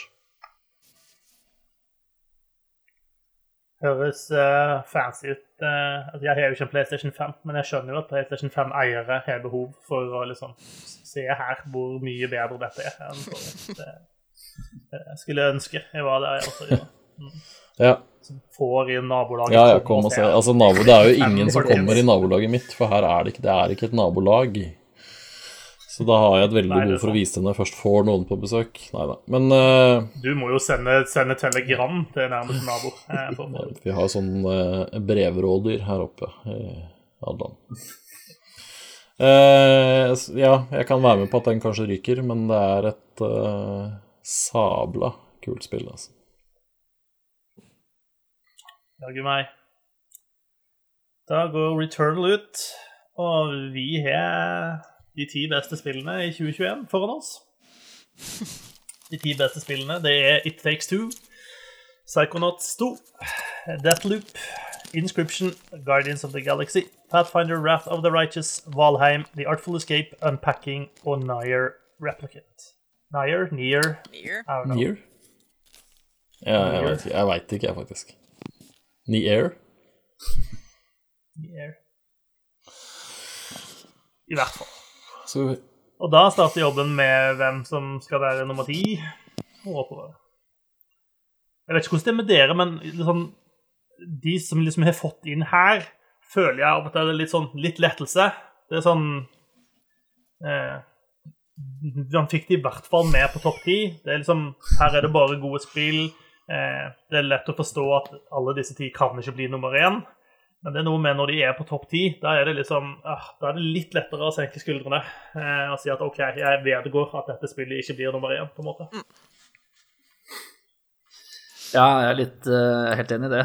Uh, jeg skulle gjerne sett både Kena og Forza og kanskje til og med Sable her, men uh, det er jo en liste som skal reflektere oss alle. Ja, Hitman og Halo og Ja, tenk at vi ikke tok med Halo. Fy fader, ass. Jævla idioter. Bare vent til dere får spilt det neste år. Nei da. Eh... Ja Jeg syns ikke det var så gøy å få bank av noen 13-åringer i ja, de online-greiene jeg spilte. det er aldri gøy. Drittspill. Men Overwatch, det skal du spille. Ja. Mm. Nei, eh, hvis vi skal prate om nummer ti, da um, ja, ja, altså Nå har vi kommet til det stadiet, og jeg syns vi kan godt begynne å prate om Pathfinder etter hvert. Ikke fordi at det er, ikke er et veldig bra spill, men fordi at jeg også innser at det er et eh, Det er av en sjanger som ikke er for alle, da. Inkludert noen i, blant oss eh, som gjerne ikke bruker så mye tid på den type spill. Eh, Pathfinder Wrath of the Righteous er et ovenfra og ned eh, eh, rollespill. Eh, og sammen med sin forgjenger så er de nok blant de aller, aller beste spillene i den sjangeren der eh, på veldig mange år. Eh, det er på en måte en sjanger som eh, går veldig langt tilbake. Man har hatt den typen spill siden 90-tallet. Eh, og jeg syns, jeg syns de to Pathfinder-spillene, både det forrige og dette, eh, gjør sakene sine helt utrolig bra. Det som er utfordrende med Pathfinder, er jo at det er veldig, veldig mye der. Eh, og det er veldig, veldig kult for de av oss som er veldig engasjert i det. Eh, men det er klart, kommer man inn som en total noob, eh, så kan det sikkert være litt vanskelig å vite hva som er opp og ned, og hva som er bra og dårlig. Jeg syns det er kjempekult at du har et så enormt utvalg eh, når du skal lage karakteren din. Det er så mye klasser og raser og fits og abilities du kan velge, at det er ganske svimlende, og det syns jeg er kjempegøy, fordi da er det gøyere å spille spillet flere ganger. Eh, og det er kanskje det beste med Pathfinder Wrath of the Righteous, er at de eh, legger veldig opp til at du skal få ulike opplevelser hvis du velger forskjellige ting. Eh, og spesielt med innføringen av disse mythic pathene, som eh, på en måte er noe av det som eh, De mest sånn tydelige branchene da, i, i spillet eh, på, på valgene dine. eh, de legger de veldig opp til at her kan du få ganske eh, ulike utfall eh, på historien du spiller gjennom. da. Eh, og det setter jeg utrolig pris på. Eh, det er en av de tingene som jeg syns er viktig i et sånn type spill. Hvis jeg spiller gjennom et sånn type spill som er rett beint frem, da, da, da føler jeg meg snytt for rollespillopplevelsen, på en måte. Eh, For jeg mener at hele poenget med en sånn type rollespill er jo at du skal påvirke historien. Hvis jeg velger å være snill eller slem, så skal det være forskjellig utfall av det. Eh, I motsetning til Mass Effect, på en måte, som, som ikke har det. Ja, Mm. stort sett. Eh, så omtrent alle delene i spillet holder høy kvalitet. Eh, jeg er enig i noe av, eh, av det der Crusade-mekanikken, som jeg skjønner at ikke er helt for alle, men den er også veldig lett å ikke bry seg om hvis du ikke Du kan den. faktisk skru den helt av. Og, ja, det er jo også noe med spill. Du kan jo stille på vanskelighetsgradene og basically micromanage alle ting opp og ned nett som du vil. Og så er det en liten utfordring ved pacing på et tidspunkt i spillet som er litt sånn pussig. Sånn, Du må liksom omstille deg litt. Eh, der du går ifra å være den o store leder av korstoget eh, inn mot demonene, eh, til å plutselig forlate det og være på en måte en, bare et lite party igjen som er eh, i The Abyss eh, og må tilbake og gjøre fetch quests igjen på et vis. Eh, for så å hoppe tilbake igjen til The Crusade noe senere, som det er litt sånn rar å, å omstille seg til. Der var kanskje det forrige Pathfinder-spillet bedre til å ha en hele tiden sånn økende eh, progresjon, på en måte. At for hvert chapter du gikk videre, så opplevde du at det lille kongeriket ditt ble liksom større og mektigere, og det ble mer storpolitikk osv. Eh, jeg syns eh, Pathfinder er en, eh, et verdig eh, topp ti-spill, eh, men jeg er komfortabel med at det havner på nedre sjiktet av topp ti-listen. Ja. Så en ting til som jeg bare må slenge inn også. De gjør noen eh, Jo, men det er litt viktig for meg, fordi at de gjør en del ganske modige valg med karakterene sine. Og det syns jeg er ganske kult, fordi at her vil du Altså, mange rollespill eh, så fungerer eh, karakterene som samlekort, på en måte. Altså du bare samler inn og fyller opp romskipet ditt eller huset ditt eller whatever med karakterer. Her går folk inn og ut.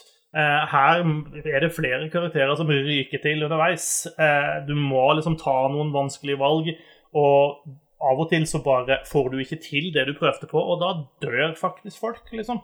Eh, og blir borte for godt. Eh, og det syns jeg er ganske kult. Å spille tilpasse seg hele tiden at den, de karakterene har du med deg, og de karakterene har du ikke. Eh, og det syns jeg også det skal ha honnør for. Da. Det syns jeg er kjempekult. For det er sånn Mass Effect-triologien gjør det sånn to ganger i løpet av eh, tre spill, på en måte, mens her skjer det, skjer det hele tida. Det syns jeg. Mm. Ja. Takk for meg. Det var Pathfinder. Ja. Yes. ja. Nedre halvdel, ja. Uh...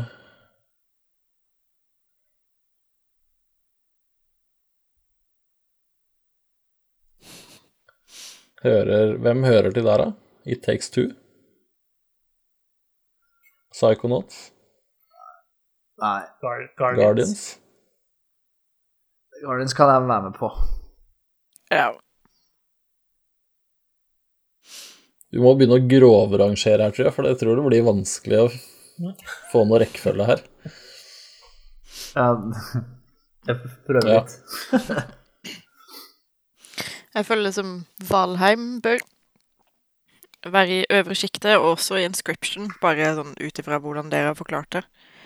Eh, jeg syns alltid man skal belønne oppfinnsomhet og nytenking og eh, spill som på en måte fucker med sjangerforventningene dine, da. Det syns jeg er gøy. Ja, Inscription er ikke noe sjanger. Det er bare den eneste store sånn fuck ut i sjanger-greiene i store og det hele, egentlig. Ja. ja. Jeg er helt enig i det.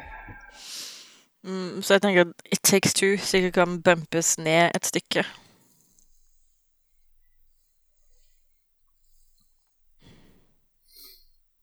Men det er jo nok ideer og konsepter i Takes Two til liksom brødfø sånn, sånn, Lage ti spill rundt. Men det er jo ikke som at hver av de er nyoppfinnelser heller, da. Altså, det er en samling med minigames som du og en annen person spiller sammen. Har det veldig gøy når man gjør det, da. Men kar Jo, jo. karakterene er noen jævla rasshøl. It's true. De er ganske dumme i tillegg. De er dumme rasshøl. Enda verre. Det er den verste typen rasshøl. Ja. Skal vi, skal vi si noen ord om. Deathloop, eller? Hvor bra er Deathloop egentlig? Ja, vi må nok si noen ord om Ja. det. Det er du og jeg som har spilt det. Håvard har spilt det. Jeg har spilt, jeg har spilt, jeg har spilt litt, Um, og jeg syns Jeg skulle ønske jeg hadde spilt mer. Jeg skulle bytta ut noen av de Forsa-timene med Deathloop-timer. Ehm, for jeg tror jeg er sånn akkurat har kommet dit hvor eh, Deathloop begynner å bli virkelig interessant. Ehm, men det har tatt litt for lang tid å, komme dit. Så Så er det sånn I starten så syns jeg det, det var litt tregt til å begynne med. Men ehm, nå har jeg liksom kommet dit hvor, eh, hvor det slutter å være lineært. Um, og liksom bare beskrivelsen av alt jeg skal Av det som er målet mitt nå, um, er veldig interessant. Og liksom hele premisset med at uh, dette kan du gjøre ganske sånn som du vil. Um, men jeg har eh, nok ikke all informasjonen tilgjengelig per nå til å gjøre det. Um, som jo gjør at spillet nok, nok kommer til å vare litt mer enn bare, enn bare en time til, for å si det sånn. Helt riktig. Jeg er vel enig i at kanskje, kanskje det største drawbacket til spillet er at det er en sånn en bøyg i starten som du liksom må bare forbi Mm. eh, før spillet liksom åpner seg opp og starter litt, litt på ordentlig. Ja. Eh, jeg vet ikke om det, om det egentlig er nødvendig. Det er litt sånn Kanskje, kanskje holder spillet deg litt i hånda litt, litt lengre enn det egentlig hadde trengt, på en måte. Ja. Eh, som, som er litt, litt eh, Ja. Det, det, det er ikke et kjempeproblem. Eh, det, det er ikke det. Eh, men, men, men jeg har hørt mange som sier det, og jeg har følt på det sjøl også, at det, du blir ikke bergtatt av spillet de første tre timene. Eh, du må liksom litt lenger inn før du liksom blir eksponert for all the cool shit eh, som egentlig er der. Ja, samtidig som det er sånn Jeg syns det er veldig mye å liksom ta inn også, til tross for at spillet prøver å mate deg med teskje, da, så er det litt mange teskjeer. Skjønner du? Det er litt sånn Noe får du med deg, noe blir liggende igjen. Eh, ja, det er litt uh, sånne ting som hvis man stykker Kanskje det hadde gått mye bedre hvis jeg ikke hadde stykka opp det såpass som jeg har gjort, da. Så jeg kan, jeg kan skylde meg sjæl, men uh, Ja, jeg Og så er det litt Altså, det har litt den samme filen som eh, Dishonored-spillene har, eh, til dels som Hitman også, at eh, altså, brettene du spiller gjennom, er komplekse og er veldig, veldig, veldig bra designa. Men de krever på en måte en del utforsking og lure rundt og kikke på, finn, på ting og finne ting og sånne ting, før du liksom ordentlig begynner å sette pris på på en måte, den, det arbeidet som er lagt ned i det, fordi det er åpenbart veldig mye. Mm. Uh, Ja. Ja. Nei, jeg, jeg syns ikke Jeg syns ikke åpningen på spillet var noe problem, men jeg spilte Fra jeg starta og den første runden jeg spilte, så spilte jeg fram til alt åpna seg. mm. Uh, det høres ut som dit jeg er kommet nå. Det har jeg brukt tre sittinger på. Ja. Uh, men det kommer jo selvfølgelig an på hvor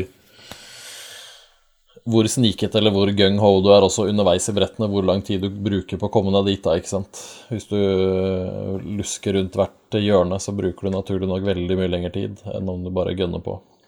Men eh, Jeg syns det, det er vanskelig å finne veldig mye å utsette på Deathloop, da.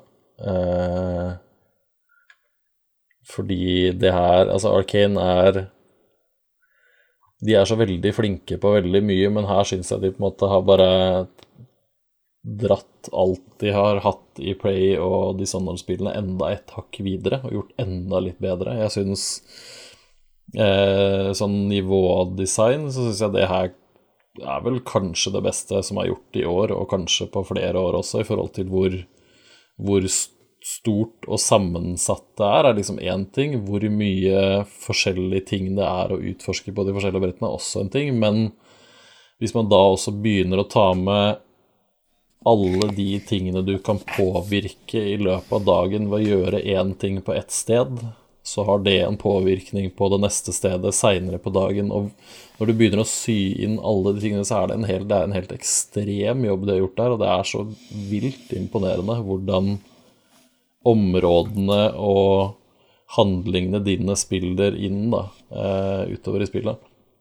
Så det er Altså sånn, sånn nivådesignmessig så er det helt Jeg syns det er helt outstanding bra. Eh, The Majora's Mask på crack cocaine. Eh, Og så er, eh, må vi trekke fram eh, stemmeskuespillet. ja, ja, helt konge. Jeg synes han Jeg vet ikke hva han heter, men han som har stemme til Colt, gjør altså en, en så bra jobb. Eh, eh, helt vanvittig. Og så blir det Altså, du kan jo, du kan jo velge å spille hele spillet solo. Eh, jeg gjorde det veldig lenge, og så er det et, et jeg, i hvert fall hadde et lite sånn part, parti sånn midtveis-ish, hvor jeg mer eller mindre bare ikke, Jeg grinda ikke, men prøvde å få tak i en del ting og oppgradere en del ting og liksom gjøre meg selv litt uh, typ klar, da. Uh, Sounds like grinding to ja, me. det var jo det på en måte. Uh, men jeg veit ikke. Det var ikke så lenge. Så jeg, men da åpna jeg opp for at andre spillere kan komme inn som hun Er Jessica hun heter? Er det ikke det?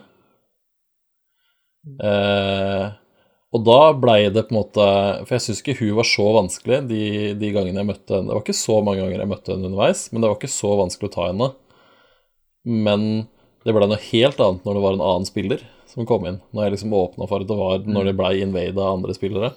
Da blei det en sånn katt og mus-lek som var altså så intenst jævlig.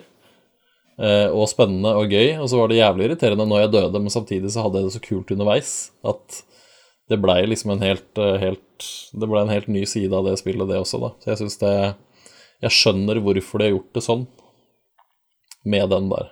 Men gjerne ikke skru på den med Nei, en gang. Nei, Definitivt ikke. Nei, det, den funksjonen frister altså så lite, uh, så det har ingen fare. Du kan også sette den til friends only, Håvard. Og det tenker jeg egentlig kan være litt gøy. Hvis man har har venner Mm. som også spiller. Det var det, da, ha venner.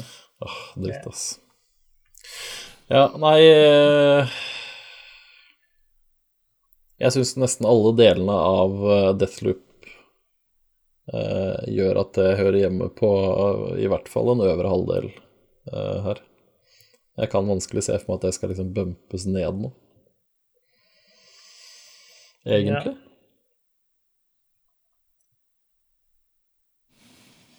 Det er bedre enn eh, Det er bedre enn Guardians. Guardians har vi vel etablert at det er på nedre, har vi ikke det? Kan, kan, vi, kan vi si at unpacking er på nedre også, Gøran?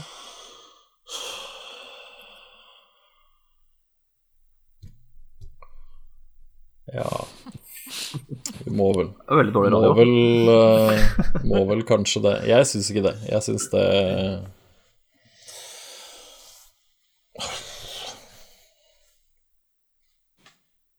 Nei.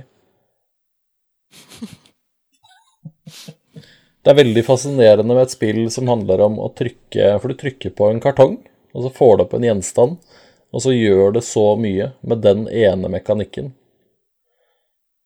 Men det er klart, eh, en sjetteplass er kanskje greit, det. Jeg kan være med på det.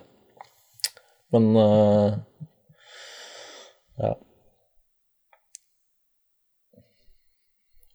det gjorde, det gjorde veldig mye med så lite. Jeg syns det er det som er det, det var det som liksom var mest fascinerende med det spillet. Sånn.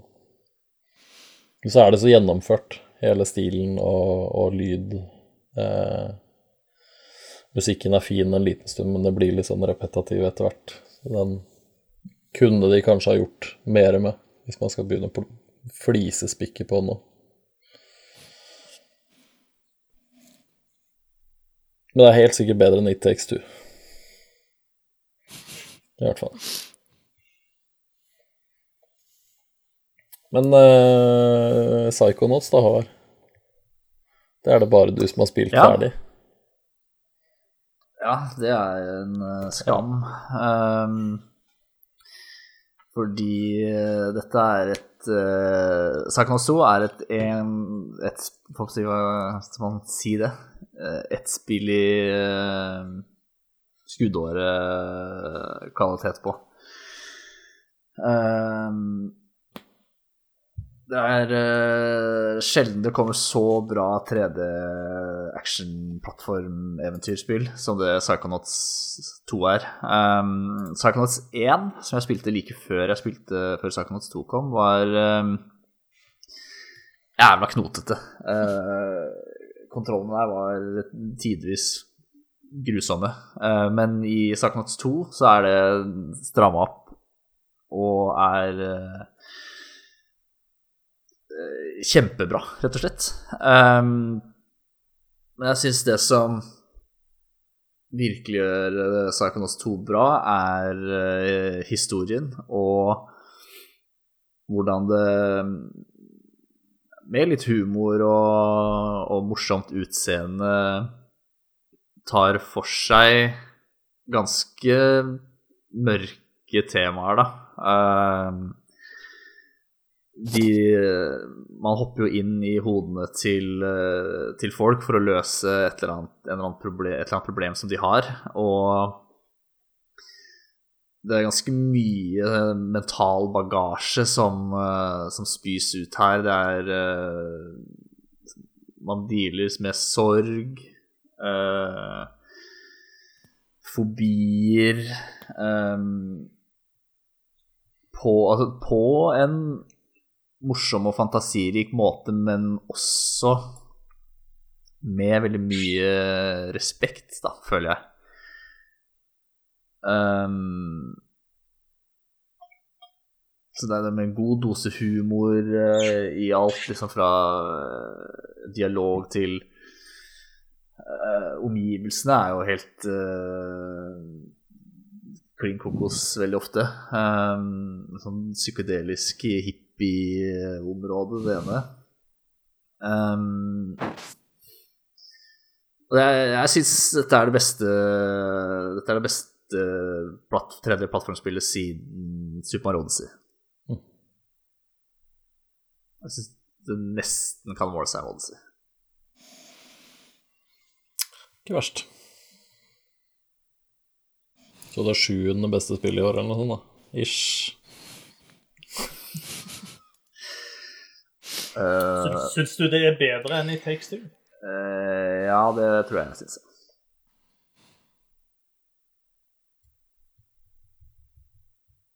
Det er det beste spillet du har spilt i år. Jeg er ganske sikker på det.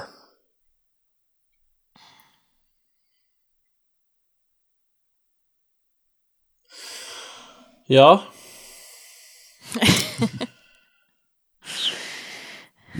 kan, vi, kan, kan, vi, begynne å låse litt? Eh, det er sånn som De to som står nederst der, jeg lever fint med at vi låser de. Pathfinder på 10, uh, eh, Guardians på 9. Er det konsensus? Mm. Fin den. Ludonarrativ konsensus om det.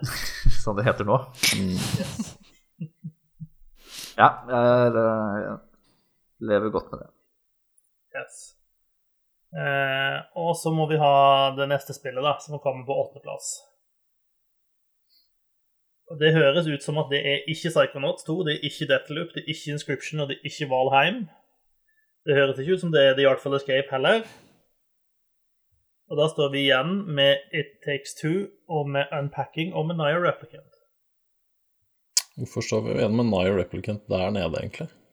Nei, nei, det Syns jeg høres rart ut. Det er bare der det har havna. Du kan ikke få alle dine eh, favorittspill høyt opp. Jeg har ingen av de ennå. Nei, uh, så synd. du kan få velge ett. For min del så er jo The Artful Escape det beste spillet jeg har spilt i år. Uh, men det er jo vanskelig å si om det er noe bedre eller verre enn de andre spillene som er her. Bortsett fra de jeg har spilt, da. Og er, jeg syns det er bedre enn It Takes Two. Og kanskje Guardians of the Galaxy, men jeg har ikke fullført det ennå. Eh, og som en opplevelse så er den også bedre enn Valheim. Syns jeg. Kan ikke du si hva The Artful Escape er for noe? Eh, jo, det er kanskje på tide. Istedenfor bare å komme med trusler om å begynne å grine. Eh, The Artful Escape eh, handler om eh, den kunstneriske reisen til Frances Vendetti, som er eh, musikant i en eh, liten, søvnig landsby som er tatt rett ut fra en Wes Anderson-film. Eh, han lever veldig i skyggen av onkelen sin, som er en kjent folkemusiker. Eh, en slags sånn Bob Dylan-figur. Eh, og alle i landsbyen forventer at Francis skal gå i hans fotspor da, og bli den samme type musikeren. Men Francis har lyst til å lage liksom episke romoperaer og syrerock, basically. Eh, og så dagen før den store konserten hans, så blir han kidnappa av, eh, av et romvesen som heter Lightman. Som er den beste eh, musikeren i hele galaksen. Og han trenger desperat en oppvarmingsact, fordi de som skulle varme opp for han, har jeg vet ikke eh, meldt avbud eller daua eller et eller annet, blitt spist av en space whale eller et eller annet sånt. Eh, så Frances blir med ut på tur i, i galaksen. Eh, og som oppvarmingsartist så får han i oppdrag å bare reise til forskjellige planeter. Eh, og opptre der. Og det blir liksom livestreama tilbake til skipet The Cosmic Lung, eh, hvor publikum får sett på, da. Eh, men så gjør Francis en så god jobb at eh, Lightman får sparken, og Francis blir kaptein for The Cosmic Long istedenfor han. Eh, og så må du liksom løse opp i litt problemer som The Cosmic Lung har med forskjellige romvesener og, og sånne ting, og på en måte dra på en, en dannelsesreise, da, om du vil, eh, gjennom universet. Og du støter på jækla mange rare skapninger i løpet av den reisa. Fordi liksom Karakterdesignet og monsterdesignet, da, om du vil, i dette spillet er helt sprøtt. Det er liksom du har på en måte aldri sett noe som ligner på det de viser frem. Eh, I tillegg så er omgivelsene kjempevarierte og dritfine. Og eh, det som på en måte skiller, gjør at spillet skiller seg ut fra en del av de andre, er at det ikke er noe som helst slåssing i hele spillet. Det er plattformspill, du hopper og klatrer og tjorer heier. Eh, men istedenfor å slåss med, med folk, så spiller du musikk sammen med dem og prøver å få til de beste harmoniene. Og det er veldig kult. Eh, og det gjør du ved å liksom bare trykke på knappene på kontrollene dine i riktig rekkefølge. Eh, som kan være litt tricky etter hvert hvis du ikke har jævlig god korttidshukommelse. Eh, og det har ikke jeg. Så liksom kombinasjoner lenger enn tre forskjellige knapper, da sleit jeg noe jævlig. Så noen av bosskampene tok litt lang tid, men det blir jævlig kul musikk ut av det. Uh, I tillegg til til det så har spillet eh, en rekke kjente skuespillere som, eh, som stemmer. Eh, blant annet Carl Weathers, som er stemmen til Lightman. Og Lena Heddy er med, og Mark Strong er med. Og i motsetning til 12 Minutes så kan du faktisk høre at det er de. De, de, ja, de gjør faktisk litt ut av seg, da. Spesielt Mark Strong, som er fantastisk som en av på en måte skurkene i spillet. Eh, og sånn utover det så er det egentlig bare et jævlig chill spill. Du får liksom Du blir avslappa og får en skikkelig godfølelse av å spille det. For det eneste du gjør, på en måte, er å løpe rundt og spille på gitaren din og gjøre at verden rundt deg kommer til live og lyser opp og blir kul. Litt sånn som i Concrete Genie. Eh, og så er det bare en fin historie om en litt forvirra ung mann som prøver å vinne seg selv. Eh, og bryte med forventningene til foreldrene og samfunnet, da. Eh, så det er, det er, morsomt, og det er, det er, fint, og det er eh, stilistisk ekstremt kult. Eh, kjempefin musikk. Og så er det også veldig fint og sårt eh, i tillegg. Så det har liksom Det huker altså veldig mange bokser for min del, da. Mm.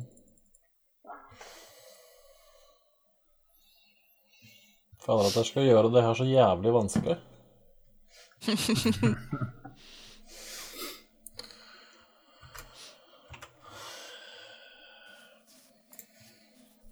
It Takes Two på åttendeplass, da. Ja. Over en remaster av et eldgammelt spill. Nei, under, mener jeg. Ja vel. Sånn har det blitt. Ja. Et av de beste spillene nå, da. Jeg syns lista begynner å se bra ut, jeg. Ja, noe 2 kan jo ikke vinne. OK, men hvilke spill skal vinne, da?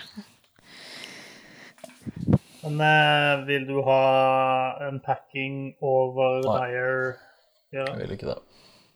Da faller unpacking til syvendeplass.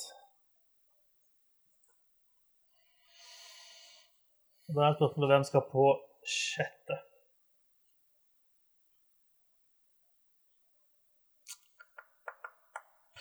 Jeg veit ikke helt, jeg. Jeg veit ikke helt. Hvor vil du rangere Near i forhold til Deathloop?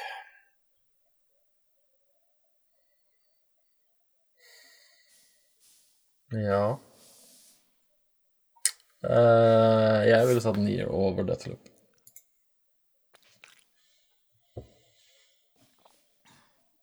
Jeg tror kanskje Er det noen andre av disse spillene som da skal under Deathloop?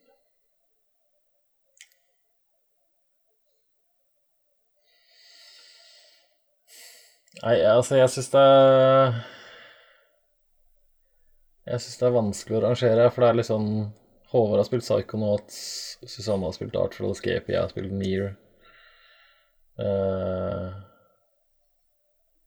som mest sannsynlig hadde vært topplasseringene til alle sammen. Uh, så tror jeg kanskje du hadde hatt Pathfinder der, men du har jo på en måte erkjent den.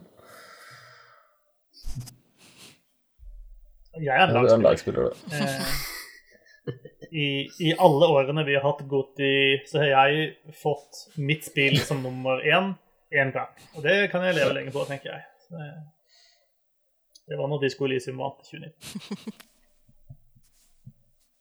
Og Overwatch i 2016, vel? Det, var, det, var, nok andre enn meg som fighta hardest for den, men jeg var jo ikke uenig. Men jeg ville ikke kalt det mitt spill på samme måte. Nei da, den er kanskje grei.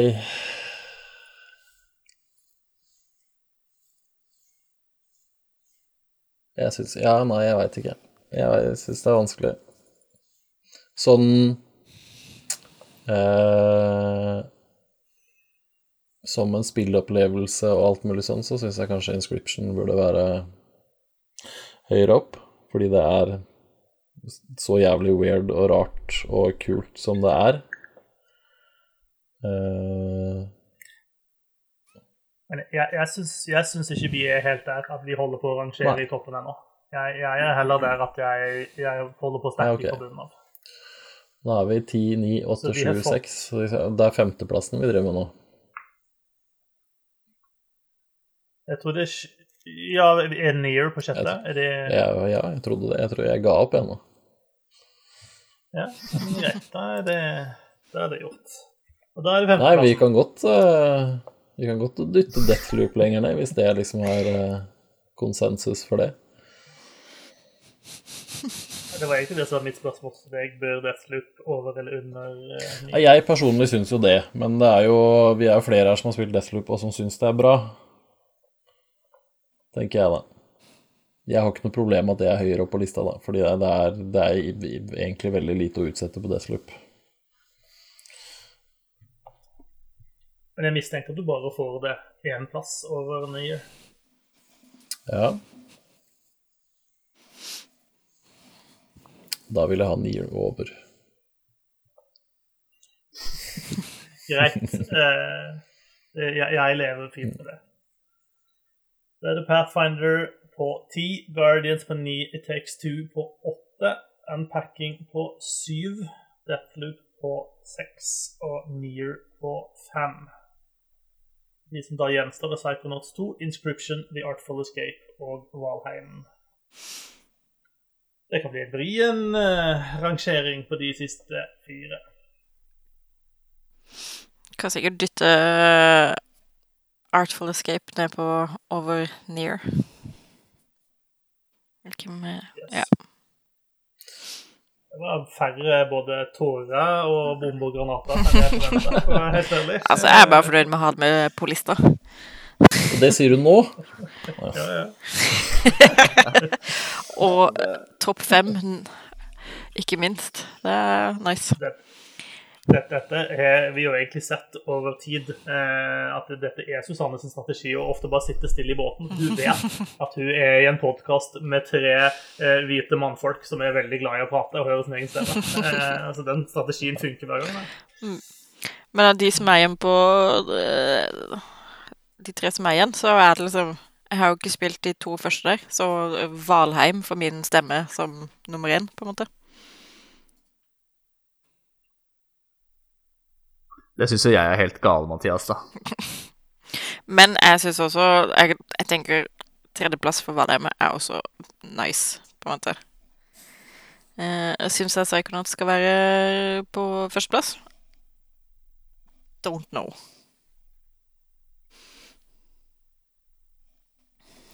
Nei. Det er liksom opp, opp til dere, men uh...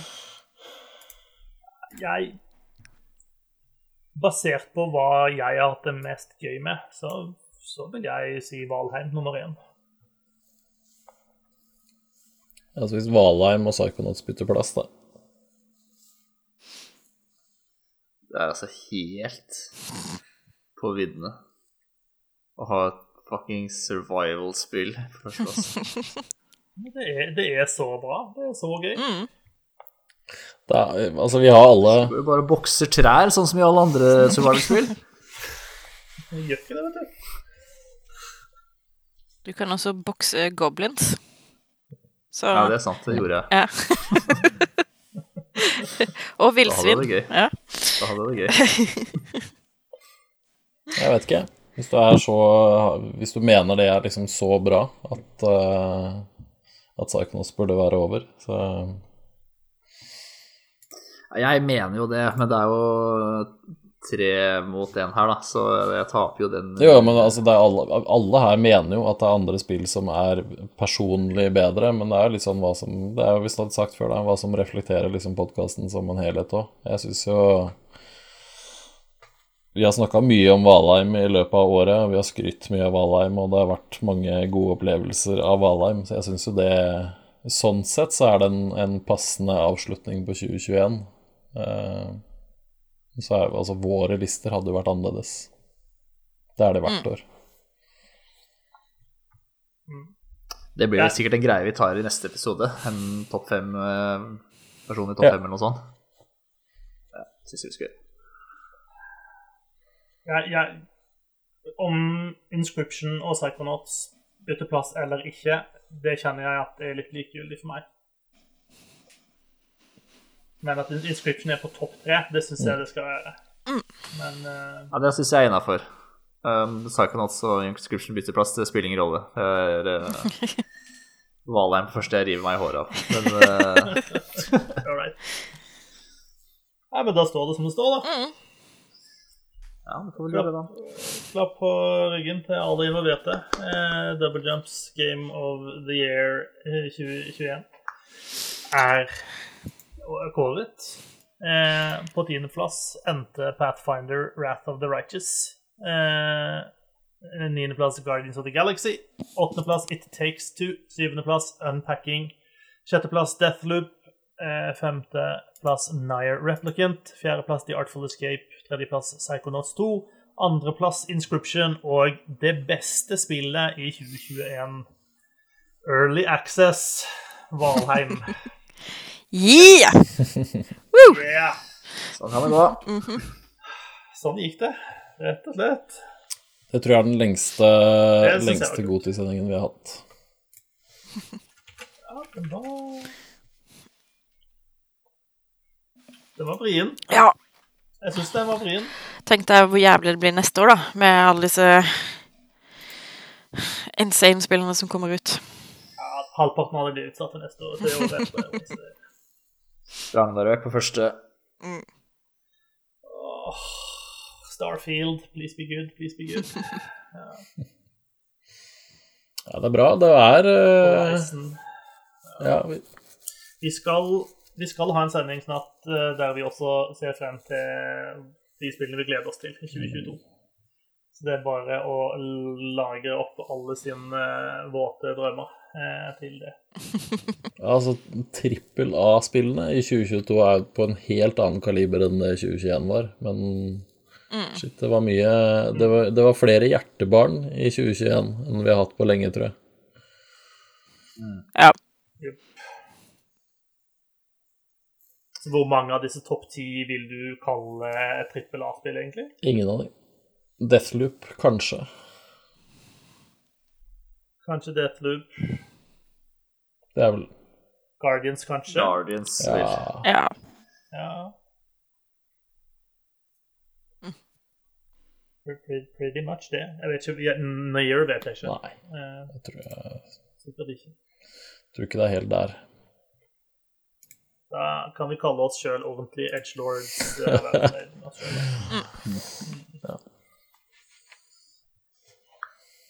Nei, men supert. Vel blåst. Eh, jeg skal ut og lufte bikkja eh, og legge meg fordi jeg skal på jobb i morgen. Eh, men dette var jo, eh, var jo overraskende trivelig, eh, egentlig. Det er rart med det. Ja. Takk for de som eh, så på og hørte på, og takk til deg som hører på akkurat nå. Eh, mitt navn er Marit Kjørmo, og med i dag var Susanne, Håvard, Gøran.